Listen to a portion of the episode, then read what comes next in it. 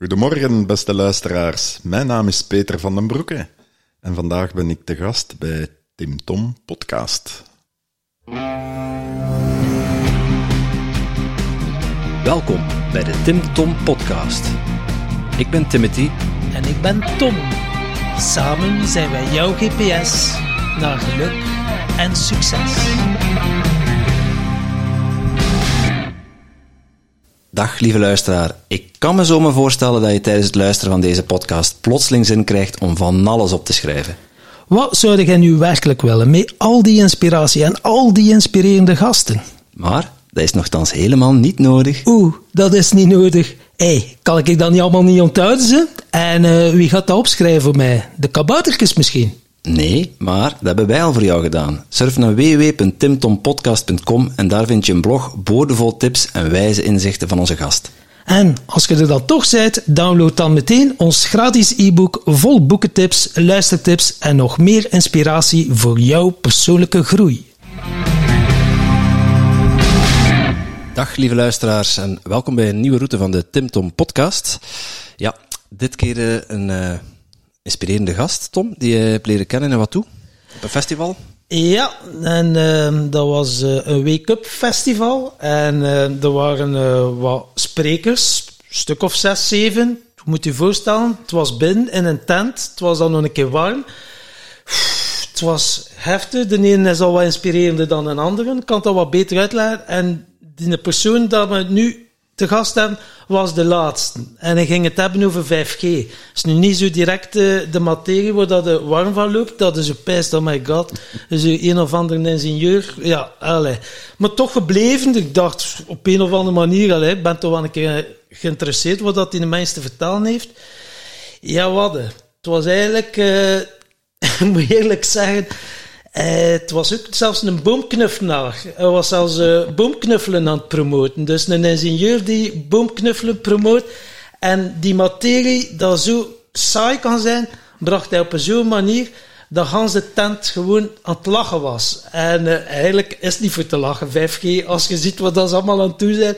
Maar hij wist het toch op een zodanige ludieke manier te brengen, dat het gewoon de max was. En het is ook blijven hangen. En ik dacht, oh my god, een moet voor ons.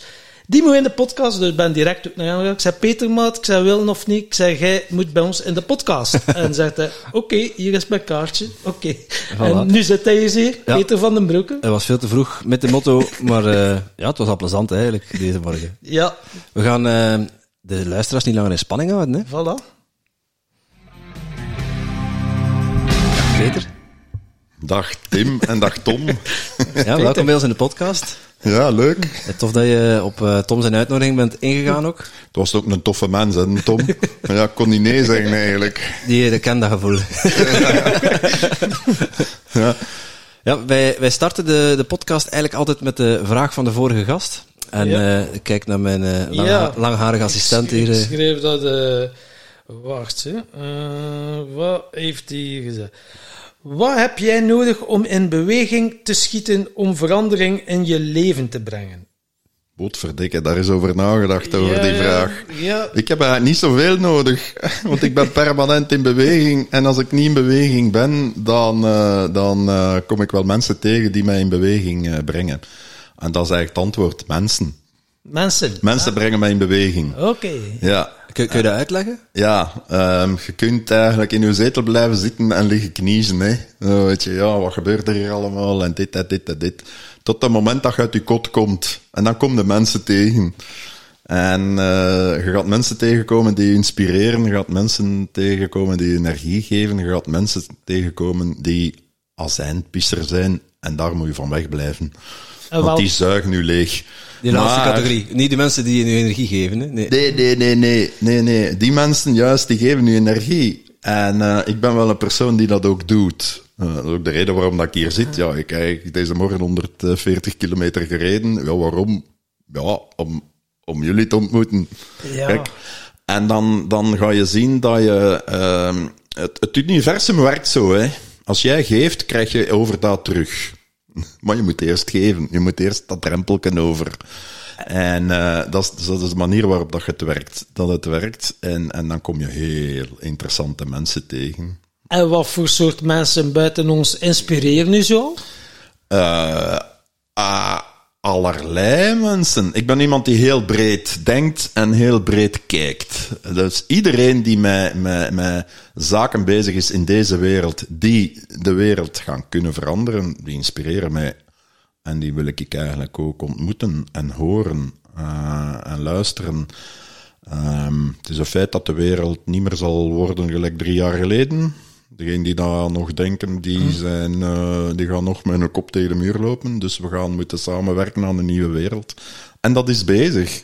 Ja. Ik ontmoet de mensen die daarmee bezig zijn. En jij zegt, ja, uh, ik kijk heel breed, dus je hebt een beetje een helikopterview. Het is ja. nu ook wel toevallig dat je een helikopterpiloot bent geweest in, Ja. in het verleden. Ja, Misschien ben- heeft een met het ander te maken, maar... Eh, dus je hebt echt wel eh, eh, lange tijd eh, ons land gediend. en Je hebt eh, veel buitenlandse missies gedaan als Ja. helikopterpiloot. Ja, ja, ik ben ingenieur en helikopterpiloot. Hè, dus ik heb 35 jaar in defensie gewerkt. Ik heb ook eh, allerlei conflict situaties gezeten. Balkan, Afrika, Afghanistan, in Amerika, Canada, overal geweest. Welke broeihard Tot op van het moment. ellende. Ja. Tot op het moment dat het voor mij niet meer klopte. Ja, voilà. Vanuit een helikopter heb ik ook heel veel gezien. Ik heb de Balkan overgevlogen, daar stond geen enkel huis niet meer op het dak. eh, of geen enkel dak niet meer op het huis. Eh, dan kom ik mensen tegen en zeg, wat is hier eigenlijk aan de hand en van wat leven de mensen hier? En dan eh, kreeg ik eigenlijk toch wel van die stevige eh, antwoorden van, ja, wat is het laatste dat je kan doen als je geen geld niet meer hebt? Ja, ik weet het eigenlijk niet. Ja, je kunt je vrouw of je dochter verkopen, hè.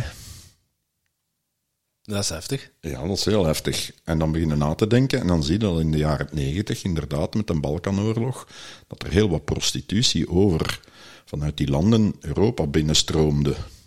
Al dan niet eh, ja, door mafioze praktijken, maar dat was wel effectief zo. Ehm, dat zijn dingen die, die dan wel wakker schudden. En zo heb ik tientallen verhalen eh, beleefd. Ik stond er ook met mijn twee voeten in. Ik heb het voordeel dat ik, in, als ik in het leger in defensie was en op missie was, nooit in een kazerne of in een, in een compound opgesloten zat. Ik zat altijd in contact met de lokale mensen. Dus ik, keek ze ook in de ogen. Ik werkte er ook mee samen. En dat is een heel verschil met de Koude Oorlog van vroeger, waarbij dat je twee fronten tegenover elkaar hebt. Hetgeen dat men vandaag terug wil doen in Oek- Oekraïne. Twee fronten tegenover elkaar. Maar het, het Westen en, en, en, en Rusland. Maar ik stond er middenin. Ehm, en dan kom je met de lokale mensen in contact. En dan begint je te merken, ja, wacht, geen dat ze ons daar in Brussel uitleggen, dat klopt eigenlijk niet helemaal. Zo. En als je dan omdraait, dan zeg je, ja, oké, dan, ziet je, eh, dan ziet je dat niet meer staan. En dan, dan vroeg of laat komt je dan in conflict met jezelf. Hè. Ja. Hoe, hoe lang ben je militair geweest? 35 jaar. Ja. 35 jaar. Dus je ging ja, orders opvolgen en wanneer had je echt gevoel, kun je nog naar dat moment gaan van, hier klopt het niet, ik stop ermee? Was Ja. dat er zo één moment dat er zo alles samenkwam, dat je dacht van, nee, Ja, eh, eh, het moment kwam samen op het einde. Ik, ik ben vervroegd uit Defensie gestapt ook. Eh, Het moment kwam samen na Afghanistan. Ik ben ook in Kokzijde baas geweest, waar- waarbij dat België besliste: oké, de NATO moet versterkt worden en men, men oriënteert zich weer naar wapens om offensief oorlog te gaan voeren. Terwijl dat dan nog nooit niks uitgehaald heeft voor een stuk. Ja. We zijn Irak binnengevallen, was fout. We zijn Libië binnengevallen, was fout. We zijn in Afghanistan iets gaan doen, eh, we hebben het niet opgelost gekregen. Eh, en zo gaat het maar voort. En vandaag de dag gaan we weer investeren in wapens. En mijn idee is, ja, wanneer gaat de mensheid nu eens gaan leren dat we het niet gaan oplossen met wapens? We gaan iets anders moeten gaan vinden. En dat kan, volgens mij, dat kan. Ehm, eh, en dan klopte het niet meer voor mij. Eh, dus een defensieapparaat kan wel nuttige dingen doen, maar als het zich begint te oriënteren op puur offensieve en, en militaire wapens, dan klopt het niet. Het grote voorbeeld daarvan is de vervanging van, van het F-16-dossiers. Dat, dat, dat kost, ene vlieger kost 100 miljoen euro. Ik weet niet of mensen beseffen wat 100 miljoen euro is. Een miljoen euro, dat kun je nog voorstellen. Daar kun je een huis mee kopen en, en, en een Tesla voor je deur zetten. En nog een caravan ook. Dat is een miljoen euro. Maar 100 miljoen euro, je kunt dat mentaal bijna niet voorstellen. Dan moet je opsplitsen. Dan moet je dat delen door ja, 100 miljoen euro. Daar kun je 100 mensen een miljoen euro mee geven. Daar kun je duizend mensen ja, eh 100.000 euro meegeven. Ja. In Dardenne zijn nu eh 40.000 mensen die hun huis kwijt zijn en vernield. 40.000, 60.000, 40 of 60.000, ja. Ah, wacht eens, één vlie, één F-16 vervangen door een F-35. Dan kun je al die mensen wel redden. Ja. Hè? En, en een nieuw huis geven. Dat kun je met 100 miljoen euro doen. De bedragen worden nog groter. Hè? Defensie, ik heb daar een cijfer gehoord van 800 miljard euro dat er eh, op een jaar tijd... aan- 800 miljard? 800 miljard euro dat er aan defensie wordt uitgegeven wereldwijd in een jaar tijd. Ja, wat is 800 miljard euro? Niemand kan zich dat voorstellen. En dat verschijnt dan maar in kranten en op tv en dit en dat. Nee, je moet dat gaan opsplitsen. Ehm, deel 800, miljoen, 800 miljard euro, deel dat is door 50.000. Dan moet de rekenmachine gaan bijhalen. Hè. Ja, inderdaad. hè. Ja, Tom, doe dat, doe dat ondertussen. Ik zal het ondertussen eens uitleggen. En dan komt je een cijfer uit. Ik ken het nu eh, ook niet uit mijn hoofd. Ehm, ja. En dat, met, dat, met dat cijfer kun je dan concreet iets gaan doen. Ah, ja. Eh, 800 miljard, hoeveel 16 eh, miljoen. nullen zijn dat? Klopt, hè? Eh, 160 miljoen zelfs, twee, ja. drie, één, twee, 800 drie, miljard. Dat is 800 met 9 nullen achter. Hè. Ik weet niet of dat in Ja, mijn machine geraakt. rekenmachine gaat zo ver. Dus ik had het 800 miljoen. 800 miljoen. eh, Gedeeld- gedeeld door 5000, dat eh, telt ook. Gedeeld door 50.000. Nee, maar dan gaan we drie nullen van die 50.000 afdoen. Hè. Dan hebben we dat ook. Hè. Is gedeeld door 50. Ja, af en toe krijgen ze van die eh ingevingen. Zie je, maar dat zijn dingen waar dat mensen niet bij 16 miljoen. 16 stilstaan. miljoen. Ja, dat is wel niet zo slecht gerekend van mij. Ja, ja. 16 miljoen. Oh, kijk, kijk, kijk, dat is 16 miljoen mensen kunnen dan 50.000 euro geven. Daar kunnen we wat mee doen, hè. Ja. Ja, maar, eh, In, heel, daar in, kunnen- in, in heel veel landen is dat eh, eigenlijk een, een inkomen om de rest van hun leven eh, ja. zorgeloos Ik heb in landen door te gestaan brengen. waar mensen le- moeten rondkomen met 1 euro per dag. En zo zijn er ongeveer een miljard op deze planeet. Dus, maar waar dat op mij uitkomt. Hetgeen dat ik wil zeggen is, die een helikopterview, ehm, als je daar zo naar begint te kijken, wordt dat concreet. Anders blijft dat abstract. Ehm, het is ook, toevallig is, is met een totem, of een totem, eh, is, is een valk bij mij. Eh, en, en die kiesde niet zelf een totem, die moet je van iemand anders krijgen. Ik heb die jaren geleden gekregen van een goede vriend van mij, die zegt, Peter, jij bent uit een valk. Ja, ze hangt boven in de lucht. Jij, begint, jij ziet heel breed, jij ziet heel veel dingen. En af en toe duikt je naar beneden om daar een stoot of een, een slag in te geven. En dan ga je terug boven hangen. En dat, dat is nodig. Maar zo ziet jij de wereld. Ik zeg, ja, ik denk dat dat ook zo is. Eh, en, en dus dat is uitrekenen. Hoeveel is 800 miljard door 50.000 eh, deelt dat is? Dan wordt dat concreet. En ik denk dat we daar moeten naar, voor een groot stuk naartoe gaan. Dat is eigenlijk groeien in bewustzijn ook. Wat zijn we hier eigenlijk aan het doen? Ja, want groeien in bewustzijn. Ik denk dat je nu zit er voor mij een bewuste kerel voor mij, maar ik denk dat ook wel nog in gevecht geweest bent met jezelf om tot dat punt te komen. Dus van het leger Oh, ben je ja. dan jezelf ook wel een keer tegengekomen. Oh ja, gelijk eh, tegenwoordig uh, zowat iedereen op deze wereld zeker. Ik heb uh, ook, ja, ook wel een paar keer een klop gekregen en zo'n jaar of tien geleden ook met mijn kop tegen de muur gelopen, de rand van een burn-out gestaan. Um, naar de dokter gegaan. Uh, ik zat bij de dokter en die zegt: Ja, oké, okay, dat is goed, ik ga je iets geven. Zegt dan moet ik je antibiotica voorschrijven, zegt die een dokter. Antibiotica? Antibiotica, meneer een dokter, is dat nodig? Letterlijk zei hij tegen mij: van, Ja, nee, het zal misschien niet veel helpen, maar ja, veel mensen vragen antibiotica, zegt hij tegen mij. Dus zeg, huh? Nee, laat maar vallen. Dus ik ga naar huis. Mijn vrouw uh, die zegt tegen mij: Is die nu helemaal zot geworden? Uh, we gaan naar een andere dokter. Mijn vrouw was toen uh, uh, met uh, energetisch werk begonnen. Um, ik ga naar een andere dokter en die bekijkt dat helemaal anders. En die zegt, oh, jij hebt wel serieus in, in de problemen geraakt. Oké, okay, vertel mij eens uw historiek. Ja? En die zegt tegen mij, ja, uw lever heeft wel serieus al afgezien. Ja? En je hebt een, een lekkende darm. En ik zeg, een lekkende darm, meneer dokter, wat is dat eigenlijk? Ah. En zo ben ik bij een van uw vorige podcast uh, uh, mensen geraakt. Lisbeth Halewik. Ja, ja, ja. Ik ken die heel goed. Ja, en die heeft er mij doorgehaald. Ja. Want tien jaar geleden was die eigenlijk, is die begonnen met voeding. Die werkt nu helemaal anders. Ja. Veel holistischer. Waardoor ja. dat ze nog beter mensen kan halen. Maar Lisbeth heeft mij er doorgehaald. Nu, ik zat bij de dokter. En we komen op het thema van straling. En hij zegt tegen mij, ja, ik zie aan veel patiënten dat zij uh, ja, daar wel een, uh, een impact van hebben.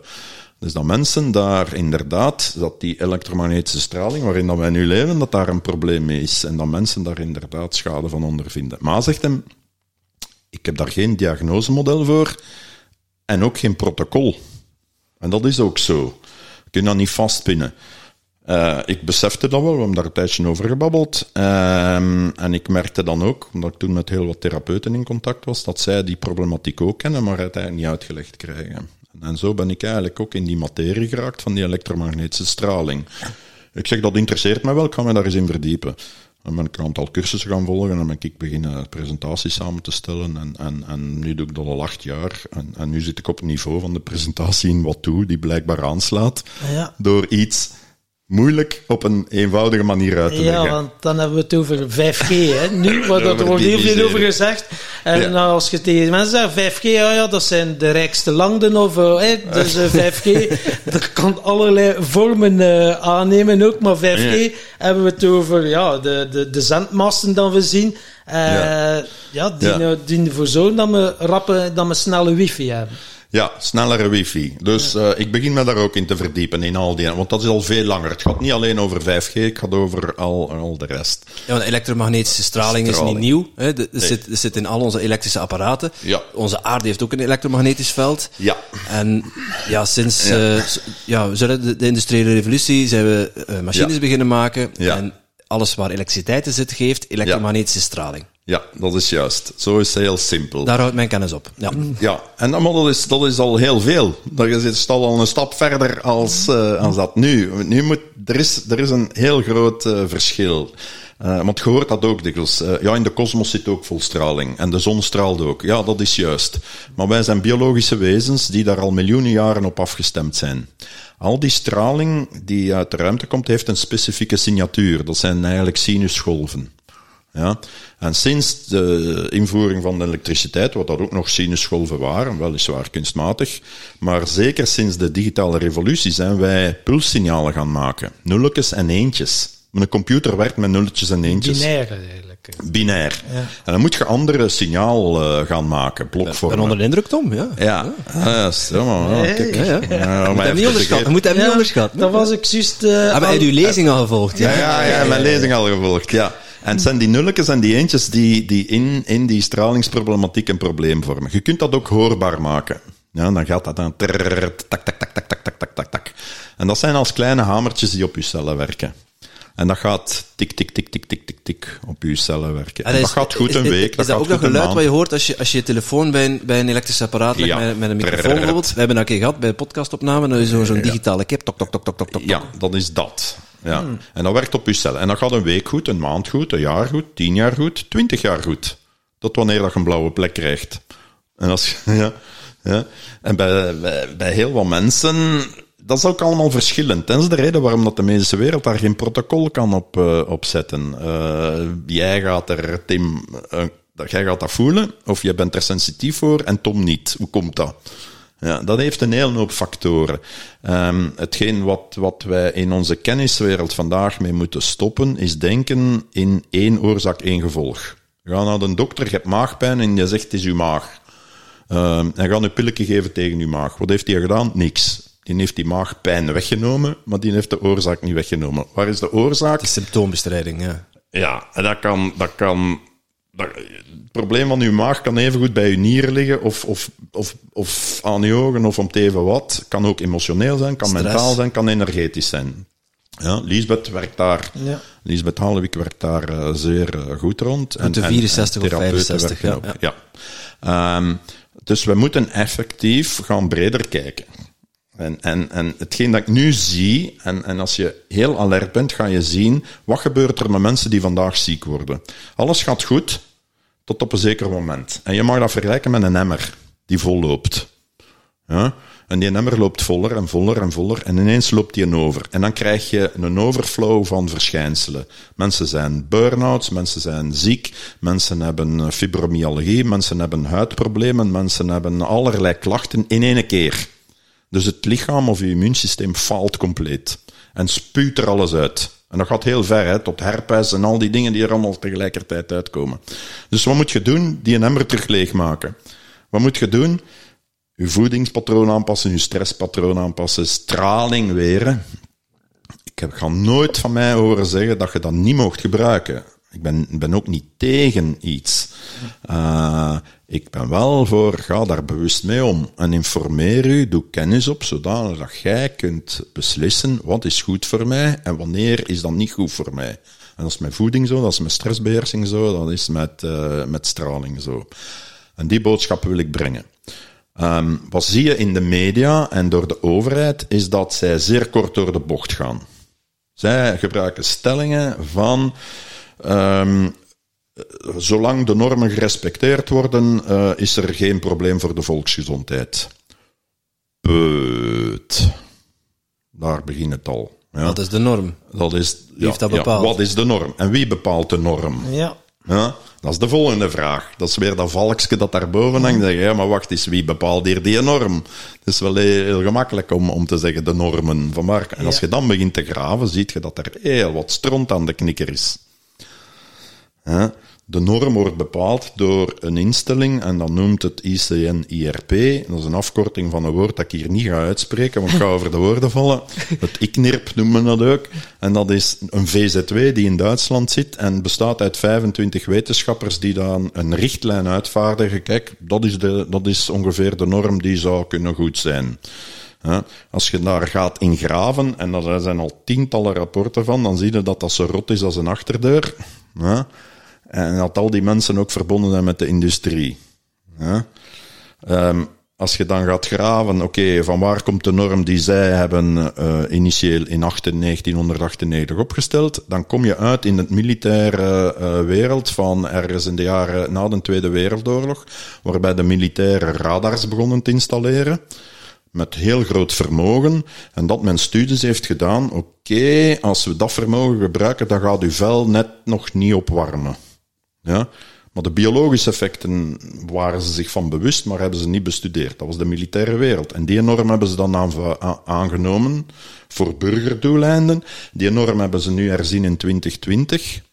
Ja, om 5G te kunnen invoeren. En wat hebben ze gedaan? Ze hebben hetgeen dat bestaat gewoon verder gezet. En een beetje aangepast hier en daar, uh, zodanig dat ze dat nog altijd kunnen gebruiken.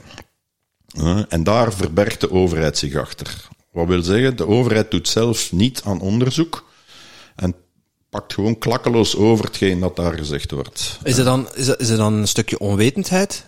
Het is voor mij een groot stuk onwetendheid. Ja, ook van overheid. De overheid is op dat vlak lui, verschuilt zich achter adviescomité's. Die hebben ze ook, hè. Vlaanderen, Brussel, Wallonië hebben ook adviescomité's. Um, Oké, okay ik ga dan kijken wie zit er in die adviescomité's. ja. En dan vind je die nominatief terug en dan ga je, dat is het voordeel ook van internet, je gaat die allemaal zoeken en wat stel je vast? Van de tien mensen die in dat comité zitten, zijn er acht die begot niet weten wat dat, wat dat gezondheid is. Hè?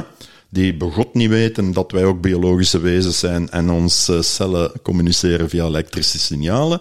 En dan zitten er twee in die dan er misschien wel iets van af weten. En er is zelf ene frappante, die, dat is dan een prof van de Universiteit van Gent. En die heeft in 2015 een rapport geschreven waar dat hij schrijft, um, mensen die aan elektrohypersensitiviteit lijden, dat, is, uh, dat zit allemaal tussen hun oren.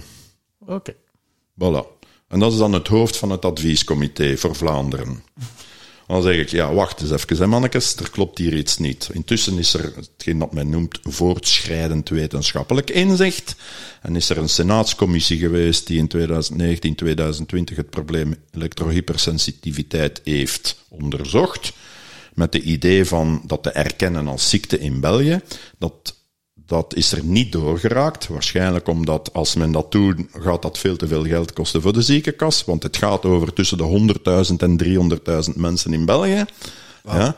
Maar de hoorzittingen die daar geweest zijn, zijn wel van die aard dat men aanvaardt dat elektrohypersensitiviteit bestaat. En dat het alleen maar erger wordt. En ze willen het niet erkennen omdat ze dan moeten, in principe moeten opdraaien voor de gevolgen? Wel, waarschijnlijk. Eh, in de Scandinavische landen wordt elektrohypersensitiviteit erkend als ziekte. Dat wil zeggen dat mensen die daaraan lijden ook steun kunnen krijgen om, ik zeg maar iets, hun huis beter te isoleren of om persoonlijke maatregelen te kunnen treffen.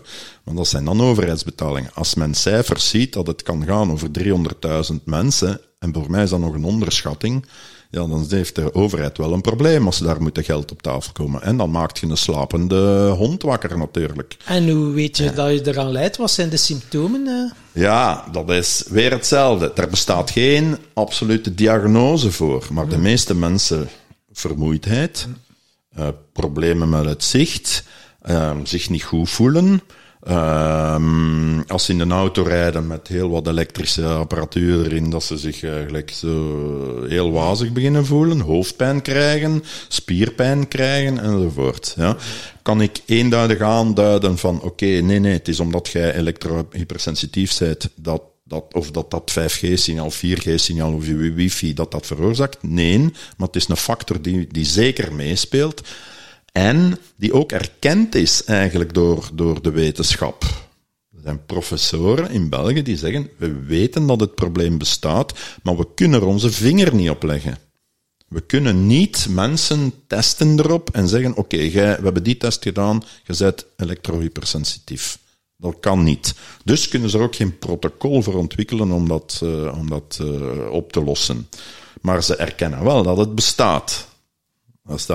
Dus moet je er op een of andere manier mee rekening houden. Dat wil zeggen dat we gaan moeten gaan, volgens mij, naar een wereld van, kijk, oké, okay, 5G, oké, als jullie dat nodig hebben, ik zeg maar iets, om in de haven van Antwerpen te gebruiken, of op een industrieterrein, ontplooit dan daar 5G, mijn part kan bij mij, uh, maakt niet uit. Maar wat gaan we ermee doen in een crash, in een ziekenhuis of in een bejaardenhuis? Dat moet je mij een keer uitleggen. Ja? Een snellere wifi. Ja, snellere wifi in de crash. Fantastisch. Goed wetende dat daar kleine kinderen zitten.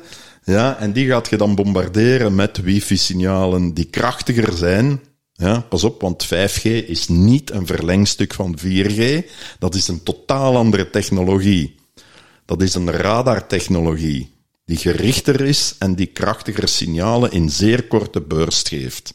Het is bijna een hamer die op, die op je lichaam zit. Ja? Okay. En het moet eigenlijk naar je apparaatje, hè, je, je gsm. Maar ja, dat komt sowieso op je lichaam terecht. Dus het is eigenlijk bijna een, een klop van een hamer dat je krijgt. Okay, ja? wow. En sommige mensen gaan dat direct voelen, anderen gaan zeggen, oh, wat zeg jij nu, ik voel ik niks. Kan goed zijn. Meestal zijn dat ook de gezonde mensen die weinig voelen. En dat geloof ik ook wel. De gezonde mensen die weinig voelen? Ja, okay. ik, heb, ik, heb, ik ben ik ben ook naar heel wat lezingen geweest. Drie jaar geleden zat ik in Brussel op een lezing en daar was een professor van uh, Leuven, ik kan zijn naam niet noemen, dat was iemand van Cienzano, daar was nog een specialist en dat ging over, uh, we hebben 5G nodig.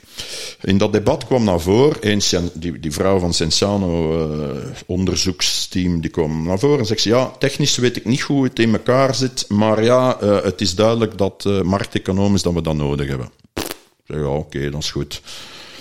De prof die begint, ja, het is niet schadelijk voor de gezondheid. Trouwens, overal in de, in de kosmos is er straling en dat is allemaal hetzelfde.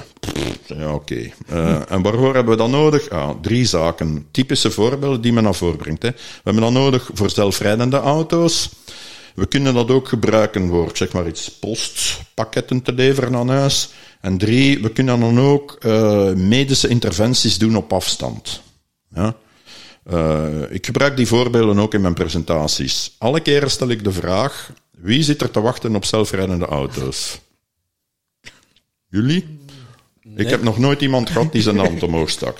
Ik leg dat ook verder uit. Er zijn in uw leven de twee belangrijkste data van uw leven. Wat zijn dat? Van de eerste datum gaat er misschien nog spijt hebben. Maar enfin, dat is uw huwelijksdag en de dag dat je rijbewijs krijgt. Ik dacht de dag dat je geboren bent. Maar, uh... Ja, maar dat kun je niet aan doen. maar dat is zo. De dag dat je rijbewijs krijgt, of, of het examen slaagt van je rijbewijs, hebt jij gedurende zoveel tijd gestudeerd, geoefend, met twee handen, twee voeten en je hoofd en, je, en alle je organen gewerkt. En heb je op jezelf, hetgeen dat ik noem, een sociale vaardigheid ontwikkeld, waardoor dat jij veel meer kunt. De dag dat jij de eerste keer alleen in een auto op de weg moogt met je rijbewijs op zak, is een dagdag die je altijd gaat herinneren. Juist? Ja. En dan willen we wegnemen. We gaan alles doen met zelfrijdende auto's. By the way, toevallig kom ik uit een eh, industrie waar ik ook met vliegsimulatoren enzovoort gewerkt heb en ontwikkeld heb. Software gaat nooit 100% werken. Nooit. Daar zitten altijd fouten in. Dus wij gaan dan in, in een auto gaan zitten en dat gaat alles zelf doen, of wat? Dat is de bedoeling met 5G. hè, Ja. Ehm, men kan dat vandaag al doen met vliegtuigen. Hè? Met drones. Nee, met vliegtuigen. Passagiersvliegtuigen Ah, zou men perfect kunnen laten vertrekken en landen zonder daar Zonder de een piloot, in. piloot. De vraag is, gaat je daarin stappen? Ja. Eh, ik denk het niet, hè. Ja. Twee, drones. Ja, dat is zo'n klassiek voorbeeld. Dan kan de post pakjes komen brengen in uw hof en moet je niet thuis zijn enzovoort. Ik dacht in mijn eigen, de dag dat ik een drone boven mijn hof zie, schiet ik hem uit de lucht. Waarom? Vijftien jaar geleden vloog ik met helikopters rond met camera's onder. Testen. Vijftien jaar geleden. Ja. Daar hing een camera onder, die was wel vrij groot. Ik kon op vijf kilometer afstand bij nacht een nummerplaat lezen. Oké. Wauw. Ik ga dat nog eens zeggen. Ik kon op vijf kilometer afstand bij nacht een nummerplaat lezen. 15 jaar geleden. Vijftien jaar geleden. De Amerikanen ontwikkelen wapens eh, die gestuurd zijn, die op acht kilometer afstand een raket een voordeur binnenschieten. Met camera's. Nu ontwikkelt men camera's die nog 20 centimeter groot zijn, die je perfect onder een drone kunt hangen. Ja. Eh, Tim, ik zie hier dat er geen gordijnen hangen aan uw, aan uw huis. Dus als Nog jij in uw badkamer staat en ik kan ginder een droontje geen ramen in de badkamer. Ja, ja. Voilà. Ik kan u perfect filmen bij nacht in uw blootje. Versta je? En dat is hetgeen waar mensen moeten bij stilstaan. Wat gaan we doen met die drones? Dat is zinloos. Drie, opereren op, stap, op afstand. Dan krijg jij, ik zeg maar iets, in het midden van Frankrijk eh, een accident en vanuit Leuven, Centraal, eh, Gasthuisberg, kan er dan een dokter u, u opereren eh, op afstand. En je zegt, oh, oh, oh, oh, wacht, wacht eens even. Ten eerste, als ik in een ziekenhuis wil, wil, en ik heb iets ernstig voor, wil ik wel even die een dokter persoonlijk zien. En ik denk die een dokter mij ook. Ja. Twee, als we dat dan toch op afstand willen doen, ja, laat ons dat, dat doen via de kabel en niet via een 5G-signaal. Want, gelijk welk 5G-signaal, als de dokter in Gasthuisberg u kan opereren, dan kunnen bij wijze van spreken de Chinezen dat ook. Versta je? Die kunnen dat signaal oppikken en misschien hacken en tussenkomen. En in plaats van uw linkerbeen te opereren, zullen ze dan uw rechterbeen geopereerd hebben, of zoiets. Dus we zijn met absurde argumenten bezig. En tot op de dag van vandaag heb ik geen enkele concrete toepassing gehoord waarvoor dat we die 5G nodig hebben. Behalve misschien militaire doeleinden. Behalve militaire doeleinden. En die bestaan ook al. Men maakt wapens met die signatuur. Dat wordt ook, op sociale media vind je dat ook terug. Je moet daar vreselijk mee oppassen, want dat zijn wel andere, één, andere frequenties. Dat zijn de heel hoge frequenties die men gebruikt, 60 gigahertz. Ehm, en, en met hele grote vermogens. Dat zijn niet de frequenties die vandaag in gebruik zijn, maar het bestaat op militair niveau. Vroeg of laat zijpelt dat door naar de politie. En vroeg of laat krijgt je een zot in Vlaanderen, geen, of in België, de politieke zot, die zegt, we gaan dat ook maar eens gebruiken. Want we zijn die betogingen in Brussel beu. Versta je? En dat zijn de dingen die, die voor mij schrikwekkend zijn. Al die camera's die beginnen te verschijnen in de straat. Ja. Dan moeten, dan moeten mensen zich echt een keer gaan vragen bijstellen. Al die camera's. Dat wordt verkocht onder het mom. Ja, dan, dat, gaat, dan, dan, dat is voor onze veiligheid. Ja, maar jij 60 maan. Twintig jaar geleden stond er nergens een camera. Ja, en was er veel minder criminaliteit eh, als vandaag. Ja, voor de inbrekers te pakken, maar ja, als je iets uitsteekt, ja, je ze toch niet vasthouden. Dus, eh, ja. Dat is één. Maar twee, wat is er fout in onze maatschappij dat er nu ineens zoveel criminaliteit meer is dan vroeger? Eh, we moeten altijd de vraag verder terugstellen. Weer dat valkske ga, ga een stap terug. Hoe komt het dat jongeren zich doodvervelen, zeg maar iets, ja, ze mogen ook niks meer doen, bij wijze van spreken. Ja, dan gaan ze maar overal camera's opzetten. Eh, in de gemeente waar ik woon, wou men dat ook doen. Ik heb daarop gereageerd naar de burgemeester. Ik kreeg weer een hoop stront over mij van, ja, ja, maar ik heb niks te verbergen. eh, en, en jij, je zult wel iets te verbergen hebben. Een soort. Zeg, maar daar gaat het niet over. Eén, iedereen heeft iets te verbergen. En als je niks te verbergen hebt, en je zegt me dat, dan heb ik morgen wel iets dat, dat u wel kan compromitteren. Dat is niet zo moeilijk. Twee is, wat, wat zien die camera's? Ja. Wat zien die exact? Wat voor camera's zitten daarin? Wat wordt er exact bekeken en wie kijkt er naar?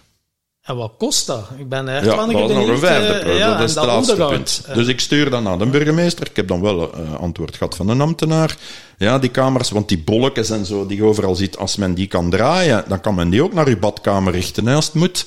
Ja, die beelden worden opgenomen en de politie bekijkt die. Ja, maar ja, oké, wie controleert de politie? Ja? En hoe lang wordt dat bijgehouden? En wat, wat bekijkt men daar eigenlijk exact? En kan men daarop mensen identificeren? Pas op, want facial recognition, gezichtsherkenning. Ja, mevrouw Annelies Verlinden heeft daar een statement gemaakt, denk ik, een jaar geleden, van ah, de politie heeft dat toch wel eens uitgetest, terwijl dat, dat wettelijk verboden is in België. Maar stapje per stapje per stapje ziet je dat we verder afglijden in een controlesysteem waarbij dat men alles maar doorduwt en, en het goedkoop verkoopt onder vorm, ja, het is voor onze veiligheid.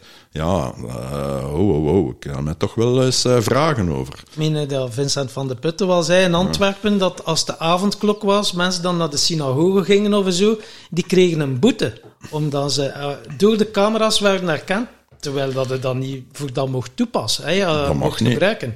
Men mag dat niet toch, gebruiken, dat is, niet wet, het, uh, ja. dat is mijn, mijn, mijn weten niet wettelijk. Nee. Men mag u niet uh, via gezichtsherkenning uh, op die manier beboeten. Dat is, ja, tot er een wet wordt goedgekeurd waardoor dat wel mag natuurlijk. Ah ja, ja, ik weet nu niet wat er allemaal in die pandemiewet staat, maar hup, die is er ook zo doorgesluist vorig jaar, herinner ja, u? Ja, ja, ja. Dan hadden ze er die een beroepsmilitair er in de bos dat ze daar aan het zoeken waren. Ah, ja, ja, ja, en dan hebben ze terwijl die een pandemiewet goedgekeurd, als ik mij kon herinneren. De pandemiewet is goedgekeurd op de dag dat de overstromingen in Wallonië zijn gebeurd.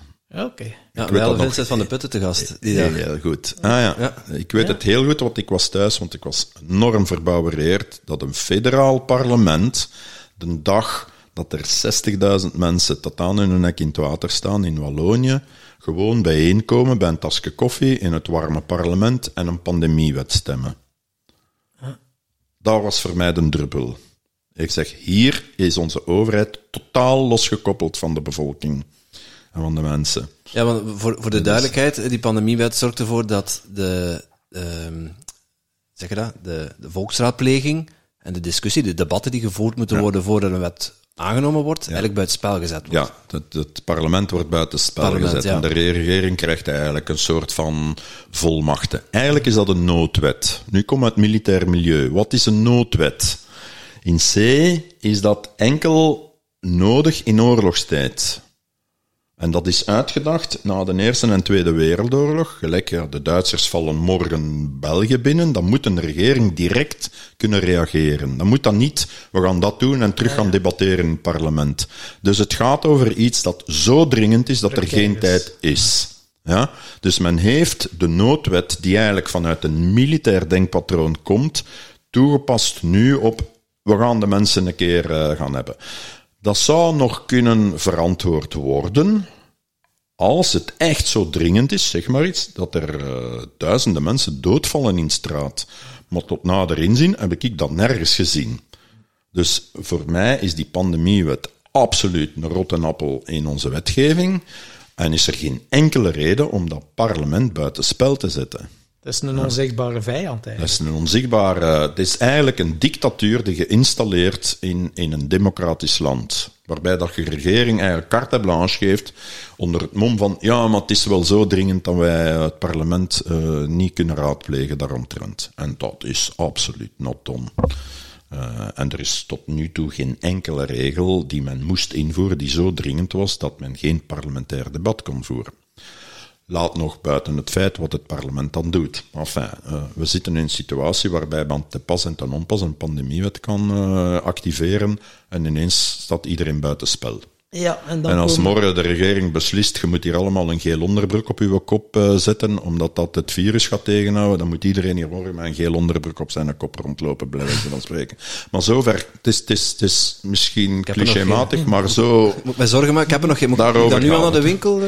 Ja, ja, ja, ja, als de winkel dan open is, tenminste. Anders Ja. gaat hier moeten eh, iets Ja, anders en uitvinden. als je dat dan iets over zegt, ja, dan ben je een complotdenker of een wappie. En dan, eh, wat ik Ja. ook gehoord heb vanuit Tine Hoek of zo, is dan met die 5G dat er in de vaccins, als je geva- gevaccineerd er zit een stofje in grafeenoxide. Grafeenoxide, ja. Dat kan ik niet bewijzen. Dus dat is iets wat dat... Oké, ik, ik, ik, oh, ik heb ook alle stempels al op mijn hoofd staan. Complotdenker en fake newser en, en je kijkt eh, alleen maar naar dat. Wappie. Ja. Ja, wappie en, en dat soort dingen. Eh, ja, nee, ik bekijk alles. Ik bekijk alles. Ook dat, ook dat van die grafeenoxide. Kan ik dat vandaag zelf bewijzen? Nee. Maar ik hou die informatie wel en ik, ik, ik steek die ergens in mijn, in, mijn achterhoofd. Ik doe daar niks mee voor het moment. Ja? Eh, de dag dat dat terug boven komt en ineens boven komt, weet ik die informatie. Ja? Dat er iets aan de hand is met die 5G en dat men daar andere agenda-punten mee heeft, daar ben ik stellig van overtuigd. Het is het ultieme controlemanier om de mensen ten allen tijde te controleren. Ja, nu begint dat met uw gsm, CST-pasje. En, en dat gaat geleidelijk aan overgaan, nog verder, nog verder, totdat we allemaal een chip in onze arm hebben. Ja, want blijkbaar die grafeenoxide, dan kunnen ze u scannen of zo, dan zien ze van, je bent gevaccineerd of niet gevaccineerd. Ja. Ik, ik, Dat wordt allemaal gezegd en dan zeggen ze, ja, Ja. moet een keer kijken, alle lantaarnpalen worden ook veranderd, maar dat is geconnecteerd met 5G, zodat ze u overal kunnen scannen. Ja, dat komt, ja, dat is er allemaal van aan, natuurlijk. Die lantaarnpalen ook, die zijn in het eh, minste geval nu voorzien om er 5G later te kunnen installeren. Dat is allemaal modulair. Of die er vandaag al in zit, dat weet ik niet. Ehm, maar het is wel zo dat het probleem van 5G ga, moet je kijken op langere termijn. Men, men gaat dus de frequentiebanden moeten verhogen. Daar zit men op 3,5 gigahertz. Eh, die trouwens vorige week is eh, ehm, verkocht door de federale overheid. Er zijn een aantal frequentiebanden verkocht, 1,2 miljard of zoiets. Maar er zitten nog hogere frequentiebanden achter. De volgende frequentieband is een 25 gigahertz frequentieband. En wat wil dat concreet Dat wil zeggen? concreet zeggen dat je meer informatie kunt sturen op korte tijd, maar hoe hoger dat je gaat in frequentie, hoe minder dat dat signaal kan doordringen door muren of door bossen. Dat houdt in dat men meer antennes gaat moeten zetten. Dus je gaat meer en meer antennes zien verschijnen, of je gaat ze niet zien, want ze worden kleiner en kleiner. Dus hoe hoger de frequentie, hoe kleiner dat de antenne ook wordt. Ehm, dus je gaat meer en meer antennes zien verschijnen. By the way, het gaat over een factor maal 100 of maal 1000. Duizend keer meer antennes dan dat er nu staan. Ja. En om het signaal bij u binnen te krijgen, zal men op termijn ook uw modem vervangen naar die hogere frequenties. En dan begint eigenlijk het, het, probleem. Ehm, dus hoe hoger die frequentie, hoe meer informatie dat je kunt eh, binnensteken, eh, maar hoe minder ver dat die signalen eh, gaan. En dat, dat is de technische ontwikkeling. Dat heeft voor, dat is een voordeel en nadeel. Ehm, die 25 gigahertz frequentie is de dag vandaag nog niet geveild door de federale overheid, maar dat zal komen einde van het jaar, volgend jaar. Dat staat ook trouwens in documenten die ik liggen heb van, het Europese, van de Europese Commissie. En alle landen worden daar gevolgd. En het is de bedoeling van 5G overal in Europa uit te rollen. Ehm, er komen nieuwe operatoren op de markt. In België zijn er dat nu Proximus, Telenet, Orange en, en er komt een vierde. Voor mij is dat goed. Ja, in die Ja. zin, dan zijn er vier concurrenten. Dus dan moeten de prijzen zakken. En er is misschien iets. Zij moeten hoe meer eh, 5G uitrollen, want daar wordt nooit over gesproken. Ja, we zitten met een probleem qua eh, gebrek aan elektriciteit. Ja? Iedereen moet beginnen elektrisch te gaan rijden. Ja? We moeten allemaal van de gas en de mazout af, we moeten allemaal warmtepompen installeren, en dat zijn de twee argumenten. Maar het 5G-netwerk moet uitgerold worden. En dat verbruikt ook elektriciteit. Hoe hoger je frequenties, hoe meer vermogen, hoe meer elektriciteit dat je nodig hebt. Dat is factor 3. Er is no way dat ons elektriciteitsnet dat gaat kunnen volgen. Oké. Dat, gaat crashen. Goed, dat is goed nieuws dan. Voor mij is dat goed nieuws. Waarom? Omdat vroeg of laat komen die operatoren in de problemen. En dat is al gebeurd in China. In China is 5G uitgerold. En eh, komt men tot de vaststelling dat, er dat, dat men niet genoeg klanten heeft. En dat het elektriciteitsverbruik van dat netwerk zo hoog is dat men het s'nachts moet stilleggen. En in Ierland is dat ook al gebeurd. Nu. Dus daar ligt eigenlijk een beetje onze hoop dat ze ons zoveel in onze nek willen draaien, maar dat ze zelf over kop gaan gaan. Ja? En dan kom ik terug bij mijn stelling. Ik ben niet iemand die tegen die ontwikkeling is, maar laat ons eerst eens nadenken, voor wat gaan we dat hier eigenlijk gebruiken en waar? Als het is om spieleraaien te doen en nog eens rapper filmpjes te downloaden op uw gsm of op uw, eh, op uw tv, dat is bullshit, hè? Ja, hoeveel rapper moet het gaan? Ja, hoeveel rapper moet het gaan? Want Van, de, de stap van 3G naar 4G was al gigantisch. Ja. En zorgt ervoor dat je niet meer moet wachten. Als je een filmpje, als je op play drukt, begint het quasi direct ja, af te spelen. en maakt al uw apparaten in huis, verbindt die met kabels waar dat je kunt. Ja, uw signaal gaat veel sneller met de kabel binnenkomen. Ze liggen daar eh, voorbereid, ja. Ja, probeer dat te doen. Dan haalt je ook dat stralingsprobleem weg. Daar wordt ook niet over gesproken. Maar dan gaat iedereen 5G, 5G, 5G, overal. Om het voorbeeld te geven, dat de scholen, hè. Dat moet allemaal met, met, met, nou nee, laat de kinderen op computers werken. Gebruik dat ook. Maar verbind die computers met bekabelde versies. En gaat zien dat er veel meer kinderen zullen zijn die minder gezondheidsklachten hebben. Daar ben ik stellig van overtuigd. Daar kan ik u duizenden rapporten van geven. Ja, ja, En, en het is ook nog eens zo dat eh, de, de, de, via de kabel dat je een veel stabielere verbinding hebt en eh, ook Uiteraard. Rapper, ra- rapper internet hebt. Uiteraard. Ja. In een ziekenhuis hoort dat niet thuis. Hè. Het is frappant. hè. Ik kan u een foto Je tonen. bedoelt, wi- je bedoelt wifi, hè? Wifi, ja. Ja. Dat hoort daar niet in thuis, wifi. Op geen enkele manier. In een ziekenhuis, in, in een ziekenhuis kom je om een, een medische ingreep te ondergaan en dan te herstellen. Ja, wat moet je daarvoor doen? Rusten, gezond eten en stralingsvrij zit zorgen te zijn. Ja, want uw lichaam moet zich herstellen. Wat doet men in een ziekenhuis? Ja, men ze legt u wel in een bed. Gezond eten krijg je daar niet. Ze komen, ze, komen Ja. i- ze komen ieder uur minstens één of twee keer langs om eens te kijken of dat je...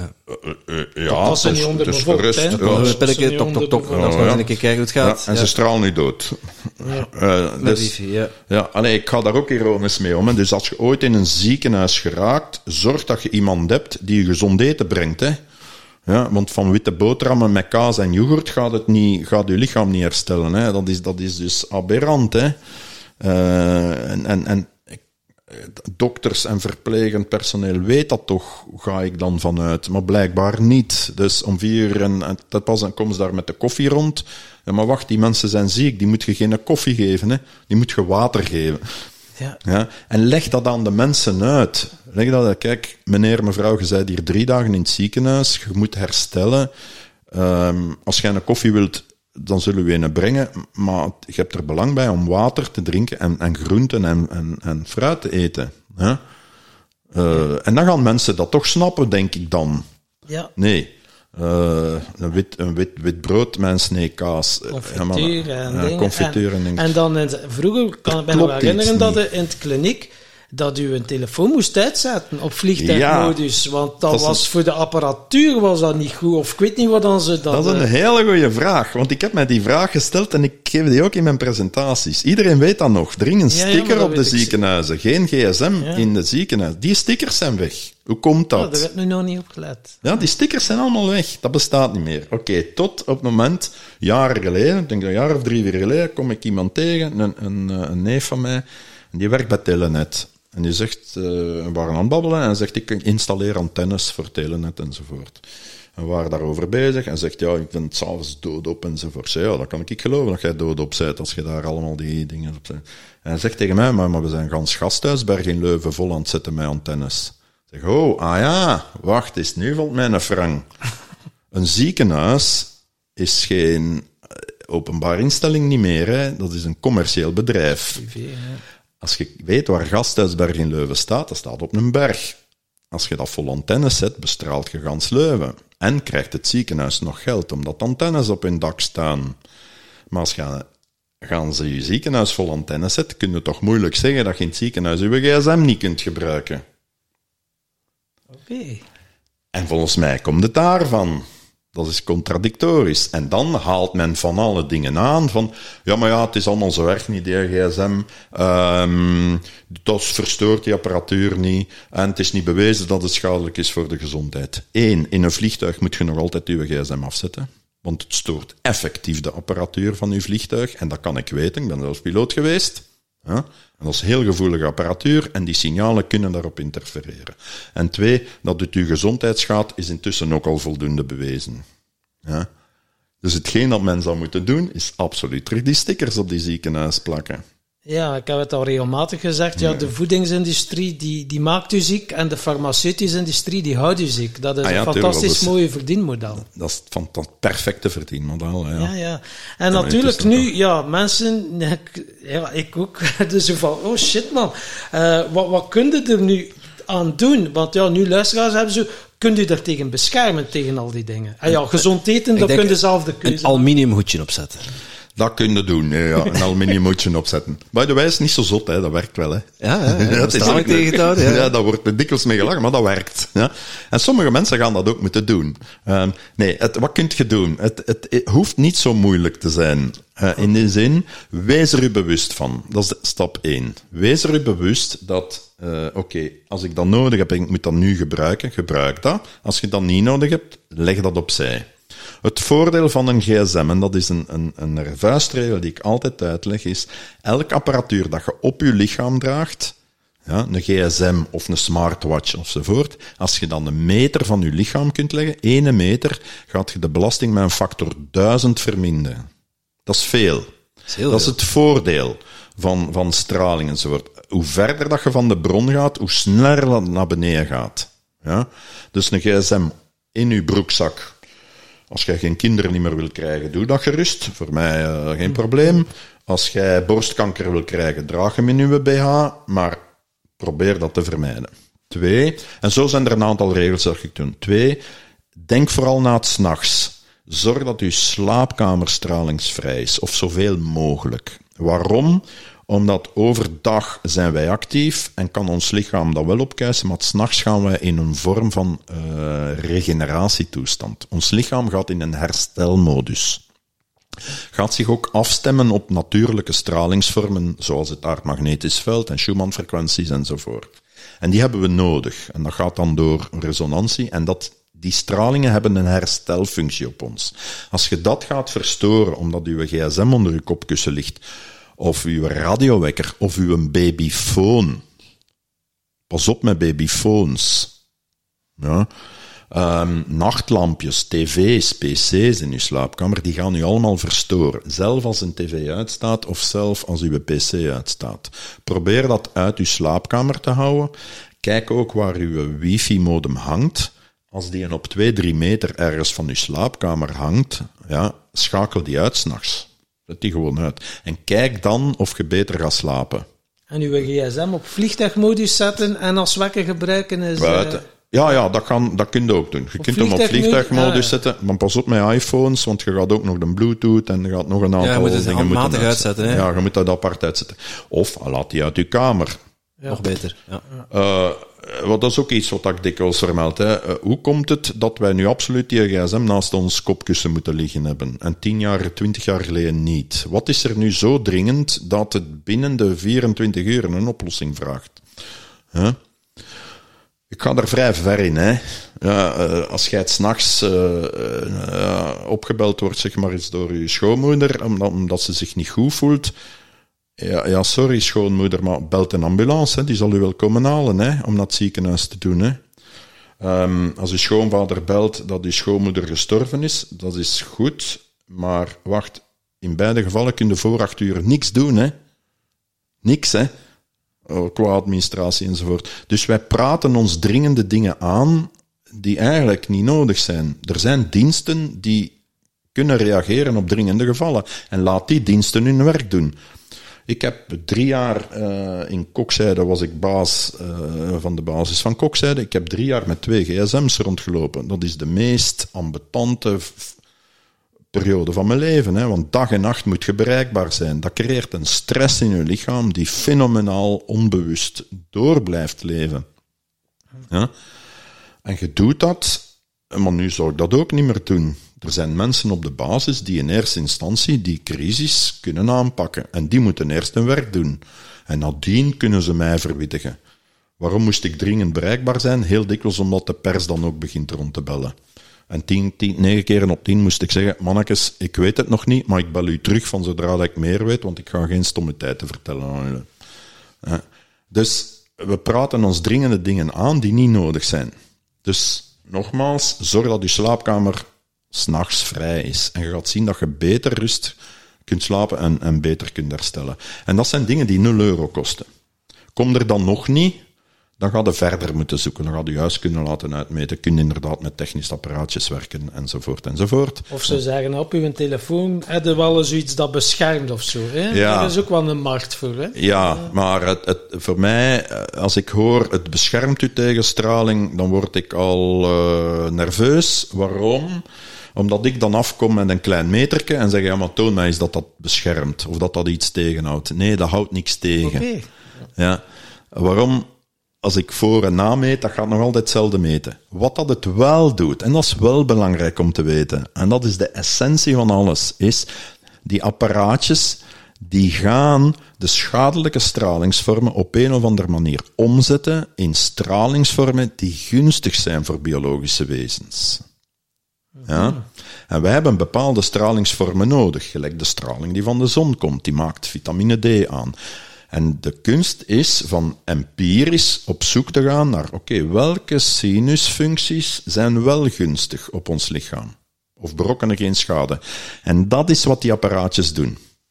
Dat is exact hetzelfde wat dat een bos doet en wat de zee doet. En je voelt dat. Iedereen voelt zich goed in een bos. Iedereen voelt zich goed als hij met zijn voeten in het water staat. Hoe komt dat? Omdat wij onbewust dan stralingsvormen binnenkrijgen die wel goed zijn voor ons.